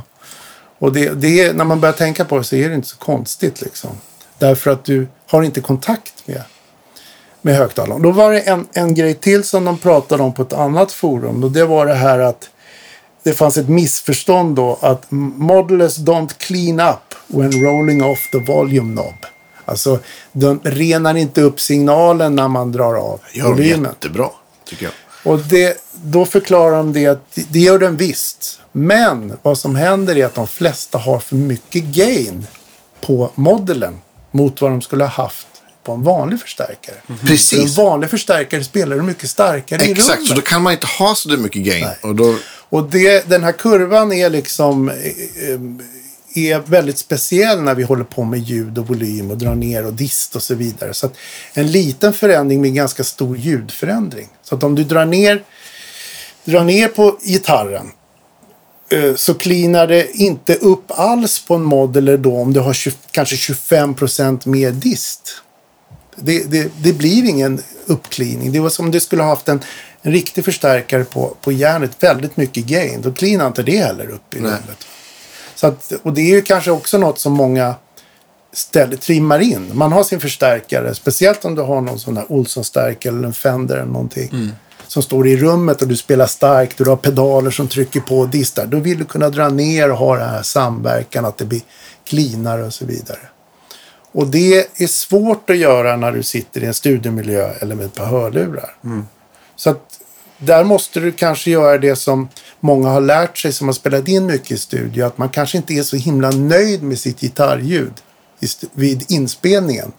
Men sen när man dubbar, när man får höra det i sitt sammanhang, så blir det bra. exakt. Och det, det fanns en tid när det inte fanns några hemstudios och så vidare. Man kunde ju kanske spela in på någon åtta kanals porta eller något sånt där. Eh, Men, eller rullbandare eller något sånt. Då var det väldigt många som aldrig hade spelat in. De kanske spelat in en gång i studio. Och blev fruktansvärt besvikna på vad dåligt det låter när jag sätter upp den här mikrofonen. Precis så din förstärkare låter. Ja. Idag sitter alla i den miljön. Alla kan spela in med en iPad. Ja, men visst. Kan du på något sätt koppla någon adapterkabel och spela in din gitarr och stämma gitarren i iPaden eller vad du nu har för någonting. Så att nu är vi mycket mer medvetna om det här, att hur, hur man spelar in en gitarr och sen lyssnar tillbaka på det. Men eh, jag tror, jag tror jag aldrig har varit nöjd när jag stått precis och spelat. Jag har fått köpa liksom, så här låter det nu. Och sen så dubbar jag det. Och sen så drar man ner gitarren i mixen med trummor, bas och allting och med sång och allting. Och så känner man, ja, här, här var det rätt. Här finns det rätt mellanregister och så vidare. Så där har ni liksom förklaringen till det här att det cleanar upp. Det är svårt att göra eh, med en modeler därför att du måste du får inte ligga för högt på gainen då. Du, du, det blir en overklig eh, kedja kan man säga. Precis, det blir overkligt mycket gain. Det går inte att ha det om du står framför förstärkare. Då Nej, och sen bara. också med mastervolymen är också många som tycker att det låter eh, det låter eh, dovt med modelers. Och det är också oftast när de har mastervolymen för starkt. Det har Helix lagt ut massa. Det finns massa bra videos som, som Line 6 Mm. Alltså, gör. ja, men- Hur man ska ställa in sina grejer. Pr- pr- nu pratar du alltså inte om mastervolymen på den modellerade förstärkaren? Jo, på det, ja, det sista du gör. Liksom. precis. Ja, just det. Bra. Du krämar på för mycket och för fel. Och sen så sätter du dig ner och tycker det låter inte som en riktig förstärkare. Nej, men hade du gjort så här på en riktig förstärkare så hade du Fått blivit det här utslängd. Så det, det är en helt annan värld att liksom... Jag gjorde ju det. Då jag, min första modeller var ju... Eh, vad fasen hette den? Hette den bara XFX? Den andra hette XFX Ultra som jag hade. Mm, det var den ganska tidiga. Den första hette nog bara XFX tror jag. Och då var jag också så här som, då, då den ja, men då insåg jag att ja, men det är nog det här jag ska ha. Och så köpte jag den. Och sen lyssnade jag på de här fabriksljuden som då, det har blivit mycket bättre, men var liksom lät som alla fabriksljud. Det var jättemycket reverb och bara bas och diskant. Och så tänkte jag, men så här, så här låter det inte. Så det jag gjorde var att jag mickade upp min förstärkare. Och så försökte jag härma det ljudet så gott jag kunde. Och, och, men det är inte alla som kan, kan göra Nej, det. men det- det är då precis det jag menar att Ja, man men ska precis. göra, För då jag. hittade jag, för jag kommer ihåg, ja, men det är nog 14, 14 eller 15 år sedan. Och då kommer jag ihåg att, att vi spelade, på någon, spelade ABBA på någon arena i Tyskland och så, och så filmades gigget, du vet så här, eh, för något. Och så, och så sen såg man det och så insåg jag att, ja men, om min gitarr låter så här på mixplats, även om jag inte tycker att det låter 100% i mina öron, då är det, det låter ju, det spelar ingen roll om det var discogitarr eller om det var liksom leadljud eller crunchljud, så lät det jättebra. Ja. Men det är också att, det att våga låta bli och vrida på för mycket. Eh, Jag, jag, några som har hört av sig till mig om de, de har köpt sådana Two Notes eh, Torpedo. Stärkare. Och de har oftast kört för starkt på mastervolymen på sina analoga förstärkare. Alltså så starkt som du inte skulle göra i ett rum. Och det är kanske till och med en mastervolym, alltså en loop. Det låter inget bra på den nivån. Det låter, du tappar diskant och det blir liksom f- fladdrigt. Och, så att, eh, och det är väldigt lätt att det blir så. För att man... Det blir som nougat liksom. Man vill ha mer och så, så bara vrider man på. Något. Nej, och det, är också, en- det, det är inte det vi pratar om, men det är också en sån här fälla om man spelar in gitarr och tänker nu ska jag spela in gitarr, då ska jag spela så starkt jag bara kan. Det blir inte heller alltid Nej. bäst. Långt tvärtom tycker jag. Men jag, jag, jag kommer ihåg, jag tyckte det var lite grann så här när man jobbade på Deluxe och Kempen kom och så där. Och sen så tyckte man så fort man började liksom, alltså det kunde vara ett sound och, och som var det som du sa med axeln där, att det var för mycket effekter och det kunde man ju ställa ner.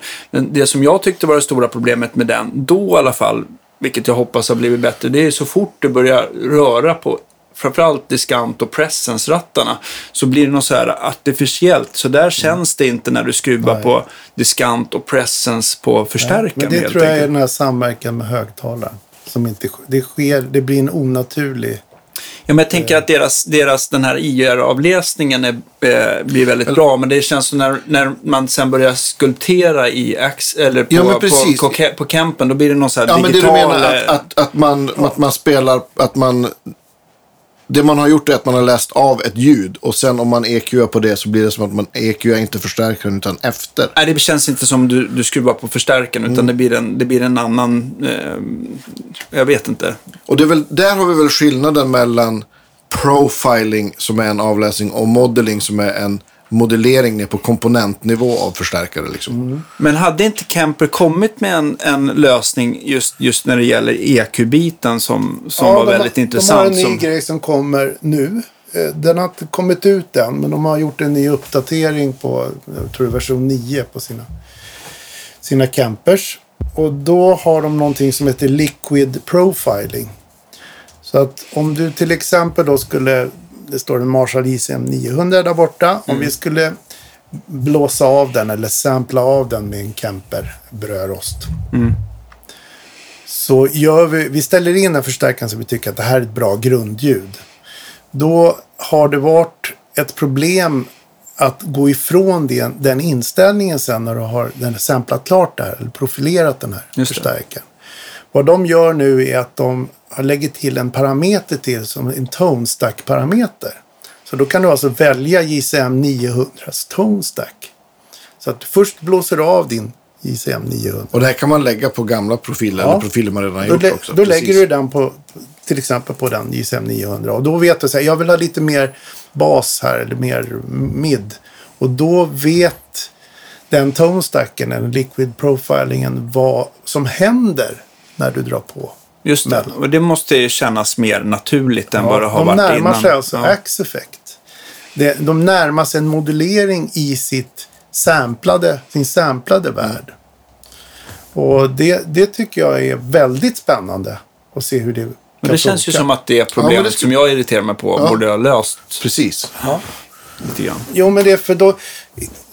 Som du skulle ha gjort för att bli nöjd är att du ska hela tiden sitta och göra en ny sampling på Precis. Ja. Nej, Så jag vill ändra lite. ja, exakt, så och är det, det är så de har gjort. Eh, Vi hade en sån session med Hammerfall kör ju camper och det var väldigt länge sedan så gjorde vi blåste vi av eh, Pontus Stärk. förstärkare och då, sen hade vi en liten, jag tror någon exotic pedal innan också. Man brukar Så- väl gilla EP-boosten Ja, så minnas. den var också med i den här kedjan. Och då gjorde vi flera olika profileringar på det där. Och, En för varje ljud helt Ja, enkelt. så att, och lite, lite mer gain, lite mer så och så vidare.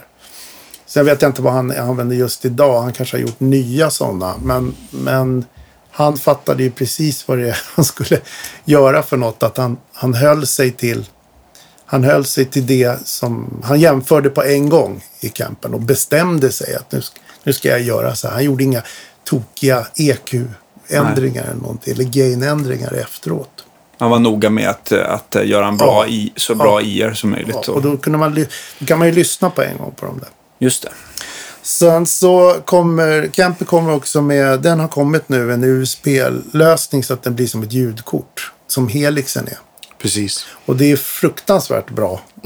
Speciellt på Helixen att du kan reampa grejer. Exakt. Så att om du använder Helixen som ett ljudkort och sitter och spelar in. Nu pratar vi om en annan miljö. Nu är det liksom att vara i studio eller hemma. Om du använder den som ett ljudkort då kan du skicka en, en ren signal. Den rena gitarren rakt in på en kanal som du bara spelar in fast du stänger av den. Ja, just det. Sen kan du skicka tillbaka den där signalen.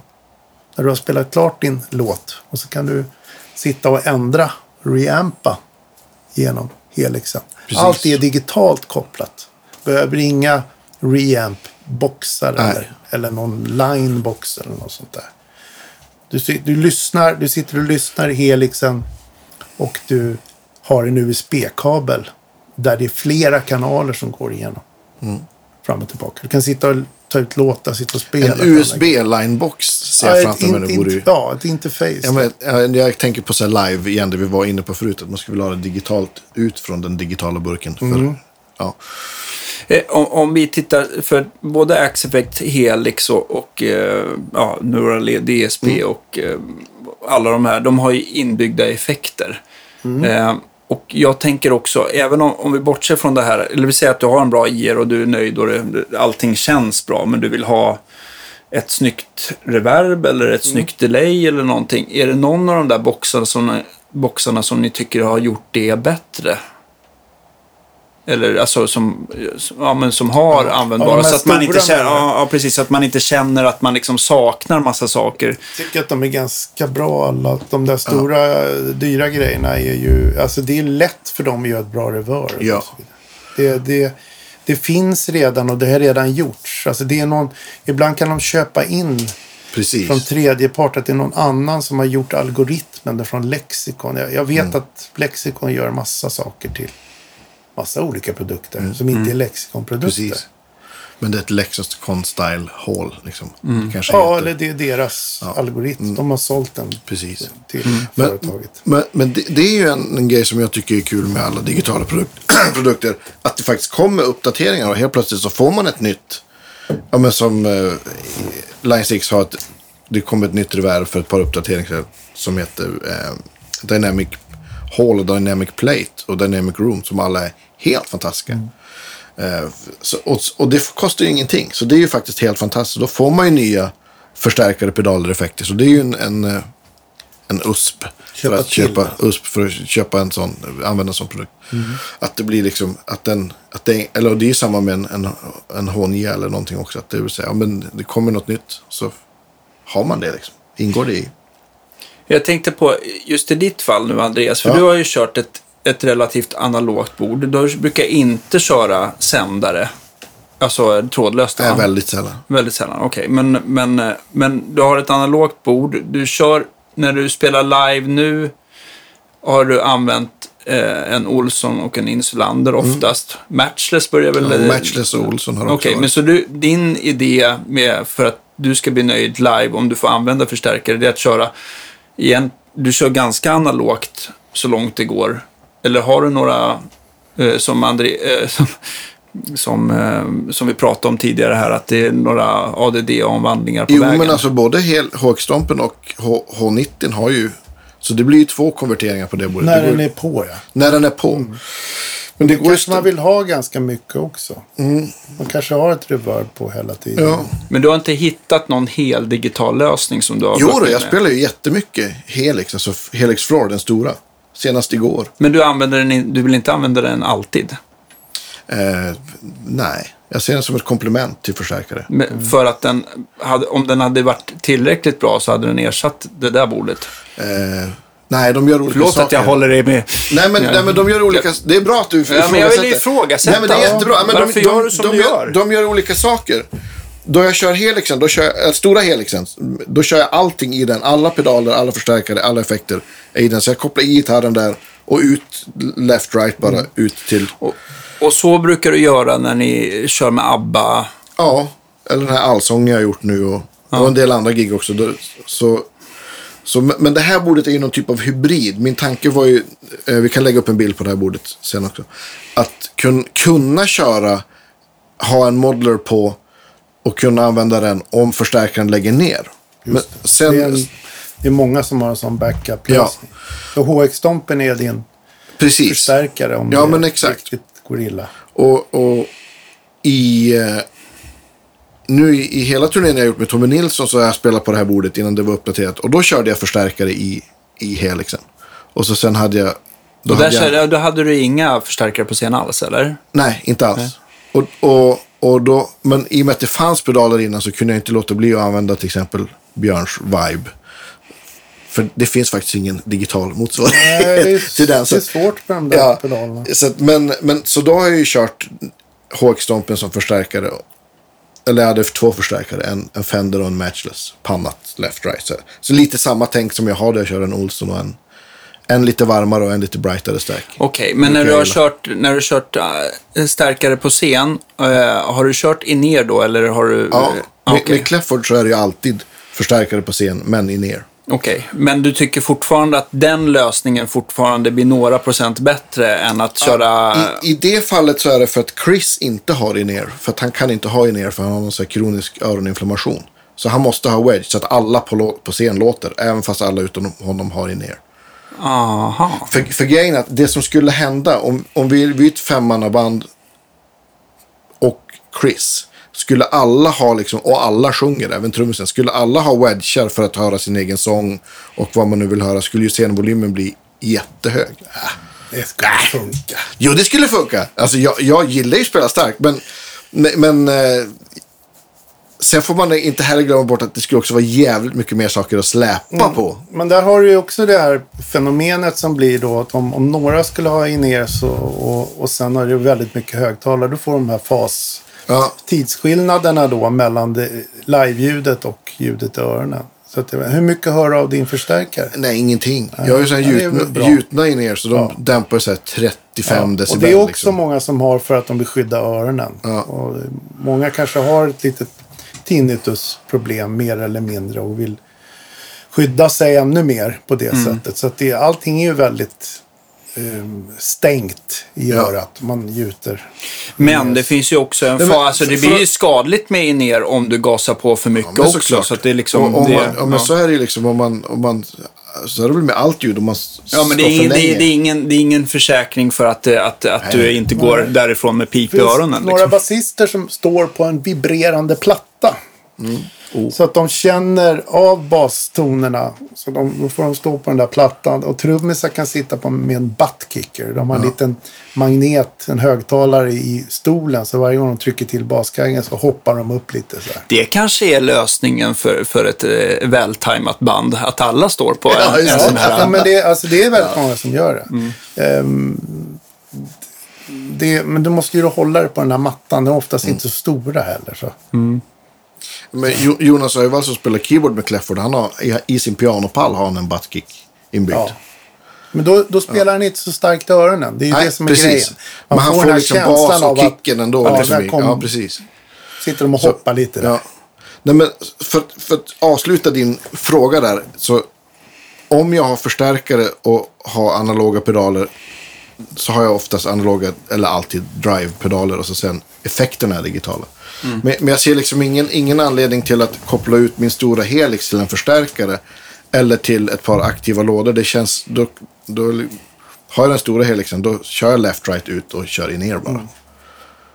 Men det är som sagt väldigt olika hur många. Många är väldigt, gör väldigt konstnärliga gitarrljud också. De, alla spelar liksom inte samma musik såklart. Nej. Utan då, då behöver de de här effekterna. Att det, alltså de blir mer som en synt. Eller som ett ljudlandskap. Det. Och då, så det beror ju helt... Vad jag vill komma till är liksom alla de här frågorna som jag får säkert en gång i veckan. Om någon, ska jag köpa en camper? Ska Ja. jag ja. Hur ska man svara på det? Alltså, du måste ju... Har du grejer, har du analoga saker, så samla ihop det som du tycker låter bra. Gör av med det som är onödigt. Har du en in älsklingsförstärkare så behåll den ett tag. Och försök att zooma in på vad är det som gör att den här låter så bra. Och sen använder du den som referens. Just det. Men alltså det, det är krångligt att vara en sån här eh, kanske hobby-cover-gitarrist som har en Kemper med sig till replokalen. Där det är ett jättedåligt sång-PA. Ja, då är det ju helt Så- värdelöst. Ja, och så ska du jamma med dina polare så sitter trummisen där med jättebra trumset. Ja, men det är som och att- så basisterna. Och så kommer du med din Kemper och, så, och, och, och, det, och det är de som ibland frågar mig då. Ska jag ha en Kemper? Ja, men hur ska du, spe, hur ska du höra det där då? Ja, men exakt. Ja, men, ja just det. Ja, men, Det blir som att du har en god tallrik mat och så häller du sand på den. Ja, men hemma är det kanon. Hemma har du på hörlurar. Du väcker Ja. inte familjen. Du kan sitta och spela mitt på natten. Du kan göra vad du vill. Mm. Det är ju det som är så bra. Att ha liksom kombinationen av det. Men det tar ju... Det går väldigt fort om man har en liten Fender-stärkare och ett pedalbord och en gitarr. Ja. Det tar ungefär en minut att höra hur starkt du ska spela i lokalen. Och börja repa till exempel. Ja, men för det sätter man ju efter trummisen, för det har man alltid gjort. Ja, och det, och, du, och det blir också igen då på grund av massa andra saker som jag inte hinner ta upp nu. Men det här med liksom eh, resonansfrekvensen på högtalare och så vidare. Alltså allt det här som händer i rummet när du spelar på en förstärkare, en riktig förstärkare, är ju att det blir ett instrument, en förlängning av ditt, av ditt instrument. Och det är det man måste försöka sträva då, att den här modeln eller digitala förstärkaren ska också bli en förlängning av ditt instrument. Och jag tror att vi behöver jobba lika mycket på det som vi har gjort med våra analoga saker. Ju- precis. Det var ju liksom, Danne har stått i flera år och, exakt. testat små pedaler och ja. vridit en millimeter och, och, och liksom, ah, här, nu är det bra. Det är det vi behöver göra med de digitala grejerna också. Och är- lyssna på det på inte rätt bara sätt. tycka att det liksom är fantastiskt och jag ska köra fyrkabelskoppling det första jag gör. Stäng av alla onödiga grejer och försök att lyssna på grundtonen för det är den som, det är den som folk hör sen i P8. Men, men jag tänkte också Andreas, för när du kör med Clefford, två stärkare, de mickas upp eller? Ja. ja. Eh, blir det ändå så här att du, du, du, du står där och spelar och så bara, för fan, idag låter det ju inte alls lika bra. Alltså som du gjorde kvällen innan, för att scenen är annorlunda eller att micken hamnar på lite annat ställe eller att någon har kommit Fast, någon... fast då är jag så petig så då flyttar jag på micken på soundcheck så att det låter som det Jo, brukar. jo, men det blir en, det, det, om, men alltså, jag kan tänka mig om du inte har den tiden ibland och det kanske inte är soundcheck eller någonting sånt där. Eh, alltså vinningen med att köra det här hela Helix-konceptet det är väl att det liksom oavsett var du står på ett litet ställe, stort ställe så blir det väl ungefär exakt samma Ja, från kväll till kväll. Det är ju- det ja, blir det- liksom, ja. Jag Det tror, blir- att, jag tror anledningen är en annan egentligen varför de har... Alltså det har mer med det här in-ear-systemet att göra. Att det är mer konsekvent. De här stora banden nu, eller medelstora band som reser med sin eget in-ear-system och sin egen monitormix. Den är mer konsekvent. Det som kanske du och jag upplevde, eller som när du spelar nu, det är att det låter mycket mer olika hela tiden. Därför att du är i olika lokaler. Men om du gör en ishallsturné och har ditt eget in-ear-system och även om det är analoga förstärkare eller vad det är så tror jag att det låter väldigt mycket lika. Ja, det gör det, Det är absolut. ljudtekniken ut som, har, Vi som har- brottas men- ja, men med precis. lokalen. Ja. Ja, verkligen. Jag, jag hade ju just med att jag hade lyxen att eh, då göra produktionsrep och, och verkligen finlira Ja, in i det med. det hade Patrik. Mm. Arnekvist som var så här, en riktigt bra skulptör. Så med en bra ljudtekniker så jag blev jättenöjd i Ja, alla fall. ja. Och jag hade inte sådana fancy hörlurar ehm, alls, men, men eh, det, jag var nöjd. Jag tänker komma på Stampen med en digital förstärkare på någon jamkväll. En förstärkare, ja, men att koppla in Ja, en hur på ska du PA. höra Nej, den? säger jag. Ja, men exakt. Då ska du ha lurar så ingen annan som hör dig då och sen hör publiken. Alltså vi är inte där än. Det, det, Nej, var sak det är på sin plats högtalare. på något vis. Ja, och det är högtalarna som spelar upp musiken till Ja. publiken. Ja, men till Eh. exempel Stampen, jag älskar den typen av gig. Det är just, då spelar man liksom på rummet och... Alltså vi ska pra- om vi pratar om Stampen, ja, nu har jag lite svårt att, att uppskatta exakt hur många kvadrat det är, men det är ju ett relativt litet ställe och det kanske går in 100. 90 eller 100 pers eller tror någonting. 100 är max, det- har jag läst på någon skylt. Och, Men det, är väl, det får ju representera de här ställena som fortfarande finns kvar ute i Sverige. Ja. Och ute, alltså det, det är en annan diskussion. Men vi har liksom ingen mellanläge där. Utan det mesta är ju, det mesta är ju liksom små ställen man spelar på. Just. Ehm, Men jag, jag tycker ändå att det spelar egentligen ingen roll. Alltså som publik så vill man bara att det ska låta bra. Och de som spelar ska vara inspirerade. Så det spelar ju ingen roll hur man gör. Eh, Alltså vi har ju gått oss... På 90-talet så såg man stora produktioner. De hade högtalarna under scen. Och hade bara monitors. Det var liksom innan Just det. Det fanns ju liksom inga förstärkare som stod och skrek på scen och rakt in i, i mickarna. Eh, vissa undantag. Jag tror ZZ Top var ganska tidiga och Metallica med att isolera sina Ja. lådor i stora casear. Precis. Och så ställer de det under scen. Och allting var ordentligt fastskruvat så att, eh, så Ja, att ja, ställa... sam, det är ja. samma mick och så vidare. Så att, och det handlade ju bara mer för att få ner volymen på scenen mot sångmickar och annat och trummickar och, och mer kontrollerbart. Men då Just det. hade man ju en massa... Och framförallt en annat problem, jag menar, folk gillar ju att titta på band där det är lite liv och rörelse också, att man går omkring.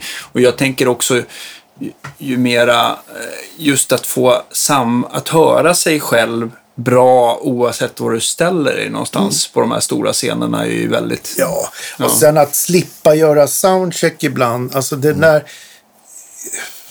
De åren som jag spelade mycket ute så var ju soundchecken något för någon annans skull. Ja. Det var inte för min skull. Nej. Alltså, vi kunde spela de där låtarna. Ja. Och min förstärkare allt lät lika bra. Det lät, eller li, lät likadant hela tiden. Och jag hade rack och två lådor och så vidare. Och det var bara, okej, det funkar. Nu, nu fungerar grejerna. Men resten var ju mycket för ljudtekniker och för artisternas... eh, För att de skulle höra sig själva. Alltså det, Inears är ju... Revolutionen är ju för de som sjunger. Att kunna liksom slippa stå och, och hitta rätt position för att höra sig. Precis. Så att det, det kan jag förstå. Eh, Jag är ingen motståndare till det så, men, men, men det krävs så mycket, mycket mer arbete om man ska ha mer elektronik eller mer saker med sig på det sättet. Och, och i de stackarna som plötsligt ska ha in-ears ibland, de får på sådana här gula in-ears. Det ser ut som... När man ett par på- Shure 535 blir ju ingen glad av. Nej, och så det är någon som ser ut som när man är på flyget och ska titta på film ungefär. Ja. Nej, men jag, jag tänkte det som, det som slog mig när man fick prova sådana eh, Shure eh, så här, in det är ju att de det- Ljudet är en sak, men det man blir tokig på det är att de liksom inte stannar kvar i örat. Mm. Alltså det antar vilket, alltså att de ska ju passa så många olika öron och det funkar Ja, ja. säkert bra Nej, för en passar- tiondel. ja. Men det, man blir ju tokig alltså. Ja, det passar ju inte. Det är därför de, man gjuter. Det var därför jag var tvungen att gjuta. För jag, jag stod i en turné och bara tryckte så här. Till slut hade jag ju liksom sår i öronen. Ja, men precis. Och sen så, så här, den här skavande effekten Exakt. liksom är hemsk alltså. Och det, det, det är inte just på grund av det här gula. Alla sådana här som inte är formgjutna så får du det problemet att det blir en, det blir liksom en irriterande Ja, men det är känsla. som Så att står du och tänker på det istället. iPhones lurar eller liksom någonting sånt hela tiden så känner man ju det är jobbigt efter ett tag. Det gör ju ont i örat. så. Ja. Men ehm, ja, Vi, vi, en annan rolig grej idag, det var väl också att vi hade en giveaway va? Ja. Eftersom vi har pratat om hörlurar Ja, så eh, ger jag bort ett par Beijer Dynamic DT 150. Har jag för mig att de heter. en, favori, en, en favoritlur. Den är favorit därför att den är tätslutande. Jättebra om man lirar trummor och spelar in eller inte vill ha en läckage när man står och sjunger och så vidare. Just Den, den luren kan man ha då för att ställa in sina ljud när man sitter hemma och sen så tar man med sig sin digitala modeler och sina gjutna lurar och, har då ett grundljud som man kanske tycker är bra. Så ett par bra lurar är bra, eller ett par bra högtalare är också bra såklart. Men lurar är väl det, det enklaste att skaffa. Så då ger vi bort dem idag. Ja, Då så, vi har ju den här giveawayen, ett par hörlurar som sagt, DT 150 från Beijer, som eh, Göran har ett, eh, ett provat par av, men eh, som ska De är nya. bort. Ja, de är, ny, de är nya. Ja. De är nya. De är testade att de... är- Testar att, alltid alla grejer. Ja, Jag packar ja, upp är bra. alla prylar. ja. Det är bra. Eh, jo, eh, och våran fråga är ju egentligen då, som vi vill att ni svarar på, eh, till podcast at guitargeek eh, geeks.se. Podcast at guitargeeks.se. Eh, och eh, frågan är då vad, vad, eh, vad eh, Kempers nya eh, modelleringsteknik eh, heter. Ja, de kommer, Kemper kommer med en ny profileringsteknik. Ja, så som det. det står mycket om på nätet. Ja, Ja. så det är frågan. Eh, Skicka svaret till eh, Precis. Så kommer vi kontakta vinnaren så får ni ett par jättefina hörlurar av, av Göran. Ja, bor ni Mycket Stock- generöst. Eh, Blir det att ni bor i Stockholm så får ni gärna komma och hämta dem här. På Terrängvägen ligga 17 hos mig. Eh, Jag kommer öppet alla vardagar hela sommaren. Ja. 12 till 16. Och Och bor ni någon annanstans? Ja, då Så skickar vi. skickar vi den. Ja. Ja, precis. Ska vi sammanfatta lite det vi har pratat om? Vi började med, med 100, 100, 100 årsbordet. Men, men sen kom vi in på, på det här med 100 års eller 100 ant. 100 årsbordet, precis. Nej, men inte års. 100, 100 avsnittsbordet som försvann. Nej. vad? 100-åringen. Nej, det är 100 klara bord som vi firar. Ja, exakt. 100 års Ja, men sen har vi pratat större delen av podden om, om, om det här med digitalt och analogt och blanda och inte. Och, och ja, Vilket år byggde du första bordet? Är det tio år sedan kanske? Nej, det måste vara tidigare. Alltså av de här borden. Ja. jag. Nej, men det är nog, det började inte med de här borden på en gång. Utan Nej.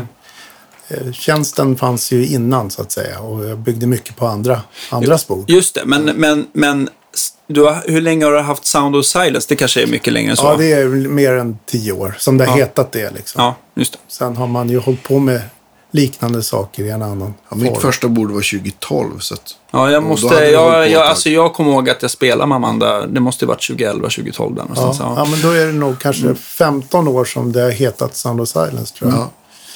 Men, eh, ja, men det här digitalt i varje fall. Det som, det som händer nu, det är det som keyboardisterna råkade ut för på 80-talet. Nämligen, de hade haft med sig sitt Fender Rhodes och sin Hammond. De tog med sig Hammond-orgeln med Leslie. Sen kom det en tid när de inte fick ha med sig de där grejerna. Och vad ska vi göra då? Vad ska vi hitta för någonting? Och då började de att leta och leta och leta bland digitala pianon, eh, samplings, eh, moduler och så vidare. Och de var inte riktigt nöjda, utan de ville använda sina gamla grejer. Precis där står vi idag. Eh, är det, tog några, det tog några år, sen kom det bra digitala pianon. Det kom bra liksom, eh, röda syntar som Mm. har bra orgelljud och, och sådär. Och mm, där är vi idag för gitarrister. Det finns väldigt mycket. Och nu gäller det liksom att ha is i magen. Och om man är ny på det här så ska man liksom ta det lite lugnt och, och se hur kan jag göra det här så enkelt som möjligt. Så att det fortfarande låter bra. Är Precis. Det är väldigt bra. tanke. Bra tips och råd, tycker jag. Eh, men jag, en sak så här som har slagit mig med mycket, eh, hur de här, eh, så här fabrikaten, de här digitala fabrikaten, Helix, eh, eh, Kemper, eh, X-Effect har jag inte provat så himla mycket, men eh, Neural DSP och sånt där. Det är att, att jag, det jag tycker är synd, det är att när man drar igång tar upp den ur kartong och kopplar in den för första gången så tycker jag att de väljer ganska mycket ljud som är alldeles för blöta och att det blir liksom... Eh, jag, tycker att, jag tycker att de... Eh, jag tycker de skulle börja... De skulle göra att de första ljuden eller första banken eller hur man nu gör. Det här är liksom professionella gitarristers liksom... Alltså, smör och bröd inställningar som det verkligen så. funkar. Jag Ja, håller men så, dig, men så, det är precis det som hände med, för, med syntarna där. Ja, just det. Det, det blir... Det är, jag ska, vill inte vara negativ, men, men det blir för mycket tekniktänkande ibland när de ska göra de här prylarna. Eh, De vill visa så mycket Ja, men som de möjligt. vill Ja, men det och de är stolta över att vi har hittat massa lösningar här. Men det blir för många lösningar, det blir för många presets på en gång. Mm. För någon som precis sätter sig in i det.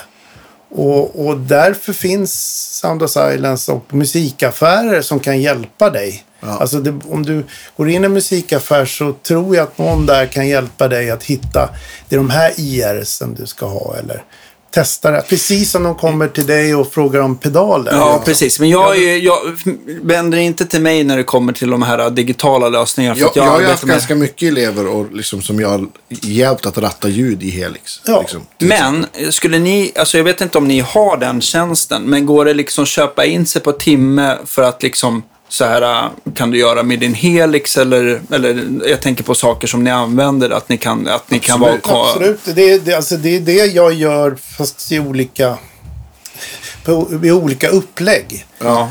Ehm, det som har hänt har varit att det har varit så omfattande, stressiga byggen. Stora saker. Så man har inte hunnit och inte fått frågan att kan du hjälpa mig lite till? Kan vi ta det här en bit till? Men jag har, jag har flera IRs, jag har massa saker som jag har liksom lagt undan som jag, som jag tipsar om på en gång eller laddar in. Eh, Jag har gjort presets, när det varit effekter och rackeffekter och sånt där så har jag gjort presets för PCM 70 och Eventide och alla de här så att de har någonting att komma igång med. Ja. Så att de kan kopiera det. Just det. Men, men de som jag jobbar med som håller på med de här digitala grejerna, de är så pass duktiga så de ligger liksom tio steg före mig när de kommer med sina prylar. De vill mer ha allting löst. Liksom få Mm. Det. lösning på det hela. Det. Men, eh, men jag, jag, jag är inte, som jag sa i början där, jag är inte så intresserad av att liksom peka på en bra preset. Men det finns ett tänk man kan diskutera. Ja, just det. Typ stäng av all reverb och alla delayer. Och... Ja, jag har en jättebra sån. Det är ju, på speltjänster så gillar jag, på Helix kan man ju ställa ingångsimpedansen. Mm. Och den högsta tycker jag alltid är bäst. På en megaohm. Tycker jag att det känns... Det är ändå inte så högt. För att Nej. vissa så här buffrar som vi har pratat om tidigare, de kan ju ligga på fyra Ja. mega Nej, det är ohm och då blir det ju väldigt... gitarrförstärkare. Ja. Ja, det är ganska standard tror jag. Jag tror att, jag tror att på Fractals grejer kan man inte ändra. De har alltid 1000 megaohm. Och jag vet inte vad de Du andra kan har, ändra lite andra parametrar där. Du kan- den- är väldigt avancerad. Ja, Alltså du kan, om du bygger förstärkare så kan du sitta med en Axe-effekt och, och På börja- komponentnivå. Ja, Liksom. och börja ändra bias och dista. Ja, men bright caps-världen liksom. Det kan man ju inte på en Helix. Nej, och det så det är liksom, det är inte många som kan det där riktigt. Jag kan inte säga att jag börjar där, utan man vill försöka ha någon slags grund i det hela. Men, men jag tänker också så här, ju- just när det blir korvstoppning för dig. För att jag, jag tycker, eller jag ser här i verkstaden att man får ju väldigt mycket tryck. Framför allt eh, tiden innan midsommar. Då kommer folk på bara, ja men shit, vi måste gå igenom alla gitarrer innan sommarturnén. Och så blir det helt belamrat här. Ja, men det vilket är kul såklart. med. Men det är också så här, jag tycker, jag tycker när ni planerar för ett bra sound och hittar rätt, gör det lite off-season. För det är både lugnare för dig Så man har eller tid- här, ja. eller, eller, eller så att, och sen så att... eh, Också att man har tid att sitta och labba och, och tweaka och vrida på de där rattarna. Ja. Tills det faktiskt, för det, det går att hitta fantastiska ljud. Det är inget snack. Absolut. Det har det gått sen, jag tyckte till, alltså första, den lilla röda podden tyckte jag lät Men det tar, det tar längre tid än när du stod med en, en Ja, förstärka topp Absolut. pedaler. Mm. Därför där kunde du inte göra så mycket till slut. nej. Så att det är ju det som är problemet med allting som har med datorer att göra. Och sånt är att, att möjlig, det finns så många möjligheter så att du, du ja, kanske sitter för länge med det och tweakar hela tiden. Några som, som, är, som är skeptiska mot digitala saker säger ju det att ja, då sitter du och skruvar hela tiden på ditt digitala ljud. Du blir aldrig nöjd. Du, liksom, du har möjligheten att göra det. det och det är, kan vara någonting som hämmar dig när du faktiskt ska spela musik. Det är det det handlar om. Men det kan man ju också göra om man vrider sig ner och rattar på sitt analoga pedalbord. Precis. Det är ju samma sak. Ja, men jag tror att, alltså, jag, jag kan tänka mig, det går väl hand i hand har jag eh, förstått, att de, de som låter bäst kan mest. Är det inte lite så någonstans? Alltså jag tänker på att det finns... Produkterna, Ja, produkterna sådär. Att de, de har... Jag, vad jag vill komma till är att jag tror att många blir ganska rädda. För de kanske vill ha en ganska basic produkt där det inte är så mycket parametrar att skruva på. För att de inte ska bara känna att det blir liksom, de tar vatten över huvudet Jag och bara hur att- ska jag lära mig det här? Men de vill ha ljudkvaliteten. Jag tror Alltså att de börjar vill ha- lära sig att det ska vara enkelt. Alltså Ja. de här editorerna och det är ju mycket lättare att börja med. Ja, än ja, att visst. sitta och trycka på, på den här enheten. Eh, Men det, det som är lite förvirrande i det idag är, är ju storleken på de här grejerna. Quad Cortexen är liten. Mm. Och, och det kanske inte passar alla att det är litet och du ska trycka på de där knapparna och känsligt. Du kanske vill ha ett större klumpigare pedalbord och en expression-pedal så att du har volympedal och sådana där saker. Så att det blir inte mindre att bära på. Det blir lite lättare såklart om man ska överdriva det. Men, men det, det är väl mer att det är mer kompakt. Liksom. Det är det som är fördelen. Det är en stor fördel. Ja. Och om man tänker så här.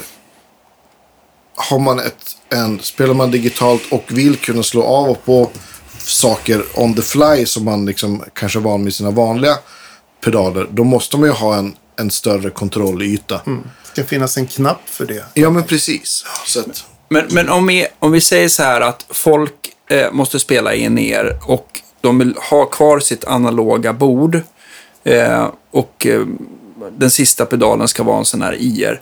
Vilken tror du att de skulle tycka var mest lätt lättanvänd av de produkterna som finns nu som, som låter bra? Ja, så det- att man inte blir det här rädd att det blir massa underbemyer och, och displayer och sånt där, Mm. utan det är mera... Jag tycker att, jag, Lättratt- jag tycker att de är snabbrattat. Tonex, UAD, Strymon är lätta. Därför att det finns inte så mycket att göra med dem. Det, det, det är där, alltså framförallt Iridium är ju inte många parametrar på pedalen. Så det är tre förstärkare. exakt. UAD också tre va? Heter det? Eh, Ja, fast nej, det är, Nej, de har det är en, en pedal per förstärkare. Ja, de gör väl en, köper de du gör väl en- en, de gör väl en fem, det två Fender och en Ja, Vox. va? Ja. Om det inte, har det inte kommit något mer? Nej. Nej. Och de, de är ju...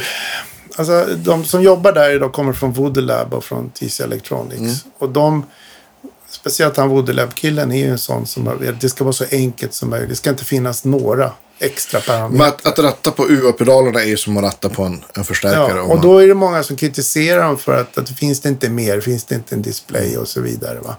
Men, men det är ju... Det är ju väldigt smart att börja där. Men jag tycker att det är, alltså, för jag tror att varför många inte hopp, vågar hoppa på det där bordet, för att de liksom, det, är- ja, folk tycker att det, man orkar inte. Det enda Nej, man har ingen lust. Man, man är man är inte en sån person som håller på och trycker på, på massa... Jag kan nog skriva upp att jag är en sån Ja, men- person, men jag vill bara att Ja, det ska. Ja, men det ska bara låta svinbra och eh, vara enkelt. Igår från Lasse Jonsson som vi har haft här. Som, Ja. som, han bara, ja, men ska jag ha en Strymon Iridium eller ska jag ha en Dream? Så bara, ja, men då går du till Sebbe och så lånar du båda och så testar du. Mm. Liksom, in med ditt bord liksom, i den. Hur ska man testa på enklast sätt? Är det liksom att Lurar bara tycker jag då. det är lurar lurar via ljudkortet hemma? Ja, om du, om du ska spela i lurar så är det ju det som... Mm. Ehm, alltså vi... Parallell är de här akustiska setupen. Det är också ett annat kapitel, men det är en parallell. Alltså de här pendulum, eh, racken och det och, och, ehm, Grace Design-pedalerna och de här väldigt avancerade, stora, tvåkanaliga akustiska eh, liksom elektroakustiska grejerna man använder. De har vi alltid använt hörlurar för att ställa in. Det är liksom det enda du kan göra. Du kan inte höra den akustiska gitarren också. För det gör du ju inte på scen. Va? Nej, det är ju så starkt. Så då sitter du med de här tätslutande lu- lurarna och ställer in ljudet. Och då när du kommer till scenen då har du liksom en, en väldigt bra början som inte är för bumlig eller för mycket bas och sådär. Och så kan man tweaka det lite och ljudtekniker kan tweaka det. Och det, jag tror att man måste tänka likadant här. Liksom. Exakt. Man kanske ska ha en preset som är soundcheck-preseten. Som är liksom bara en förstärkare och en, en, en IR. Det är så vi har soundcheckat med de analoga riggarna. Man börjar inte slå på alla pedaler på en gång. Utan det, det står inte med wowan och soundcheckar det första du gör. Utan när ljudtekniken vill höra någonting så ska han ju få ett normalt ljud. Ja. Ja, vad är din solovolym? Ja, det är den här. Då kan man ha några soundcheck presets. Och sen så tycker jag, jag kan tänka mig att också när man lyssnar på de där ljuden att det kan vara väldigt bra att lägga det mellan, med, med en bakgrund, bas och trummor. För att det är ju lätt att man vill basa på eller kanske att det, blir, Ja, att det inte poppar igenom i mellanregister i diskant så att man liksom, att det liksom drunknar även om man har ganska mycket. Ja. Och hålla ner effekterna. Eh, Alltså effektmixen. Har du och lite- reverb och sånt. Ja, precis. Har Har det lite- lite för lite istället. Så för att då hörs det bättre när du spelar också. Exakt. Verkligen. Eh, gitarren är i mellanregistret och den, det är den tydligheten där som... En dåligt inställd modeler kan ju sänka ditt ljud då. Ja. En analog förstärkare ska du skruva väldigt fel för att den inte ska höras. Då är det nog fel någon annanstans. Liksom. Det som jag kan tycka med lurar som blir lite, som blir lite dumt, även om du ska trivas när du spelar in ner, det är att, att, att när du tycker att effektmängden är bra där du står, för det blir ju, det blir ju så lite rum av rummet så att säga. Det blir ju bara direkt och det blir kanske för torrt. Att så, upplev, så blött kan det inte bli ute i, i lokalen helt Men enkelt. den är kanske blöt från början om du Ja. spelar på ett ställe som är väldigt reverbigt. Ja, men jag kan... Så blir det ju ännu mer reverb. A- a- Alla, alla in-ear-mixar jag har har ju reverb på. Det brukar till och med vara två reverb på trummorna liksom. Att det är olika. Men det, det är trickset där som många säger också att det blir instängt med hörlurar. Då vill de ha den här lilla rumseffekten. Ja. Är Därav det som Kemper har då förinställt den här lilla space-funktionen. Men man ska inte börja där. Men den kanske man måste ha till slut sen för att man tycker att det är jobbigt att ha Har man möjligheten så ska man ju be om det istället då från ljudtekniker. Okej. I lyssningen tycker jag. Då kan du ju ha ett ganska torrt kompljud. Mm. Men att du ändå får någon typ av rymd i massan så att säga. Och här, här ser ni, ju- jag. där har man ju också fördelen med det här. När ni, när ni kan göra det där på en produktion, Ja. då kan ni spara den där. Ja, exakt. Ja. Men det där tar ju väldigt lång tid. Vi har ju samma alltså- mixerbord med Clefford varje men gig, om du liksom. skulle ha, det, ja. om det nu framtiden blir att man hela tiden ska in ner så har en, en ljudtekniker som ska göra de här inställningarna så kommer ju soundchecken ta mycket längre tid Ja. också. Och det har, ibland så är det annat man ska laga som har gått sönder. Precis.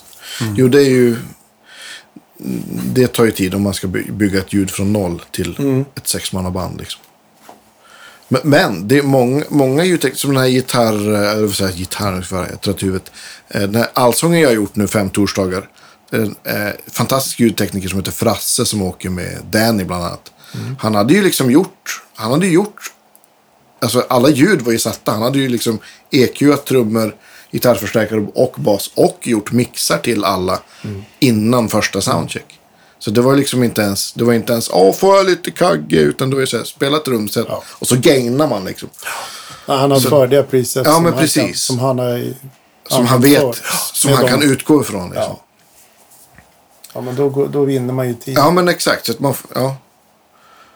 Men det är inte alla som är på den nivån. Men jag menar dansbanden som spelar hela tiden mycket och sköter allting själva. De, Ja. de tycker om alla de här tekniska sakerna. Och de trimmar ju in det och sen har de Ja. med sig det. det är, för dem är det viktigt. De spelar länge Mm. och mycket. Och liksom of, oftast bära allting och rodda allting själv. Så att där märker jag att det är flera liksom som är mer teknik, blir tv- tvungna att vara teknikintresserade. Men Precis. de kör riktiga förstärkare ibland. Och, men det är ingen ner. Så. Ska vi ge så för idag? Ja, eh, mycket intressant och Mm. eh, lärorikt. Jag tycker vi tar fram lite ris och så höjer vi värmen här inne. Och, Ja, exakt. och häller på lite vatten på förstärkaren. ja, precis. Ja, nu är det varmt. Ja, Nu blir det sommar. Nu går vi ut. Ja, precis. Eh, stort tack för idag. Ja, stort tack för Eh, idag. Jättekul att ha det här igen och, och grattis Tack till på, på hundra, hundrabordsdagen. höll jag på att säga. Och, ta och, och tacka, tack för att ni lyssnar och Ja. tack för Patreon. Och Ja. ja, ja det, Tack alla kunder som har de där Ja. borden. Precis. verkligen. Kan inte, kan inte ni som har bord som Göran har byggt, kan inte ni lägga upp en bild i tråden här? Ja, får ni gärna Vore kul. Får vi se alla. Jag lovar att bidra. Vi hörs nästa men vecka. du- det blir- ja, ja, men jag har ett par stycken. Det blir väl en Ja. tiotal bilder från det, Minst. minst. Och tack eh, alla patrons. Jag vet inte om du sa det. Ja, det gjorde Stort jag. tack. Hörni. Eh, så hörs vi nästa vecka. Det gör vi. Ja. Hej då.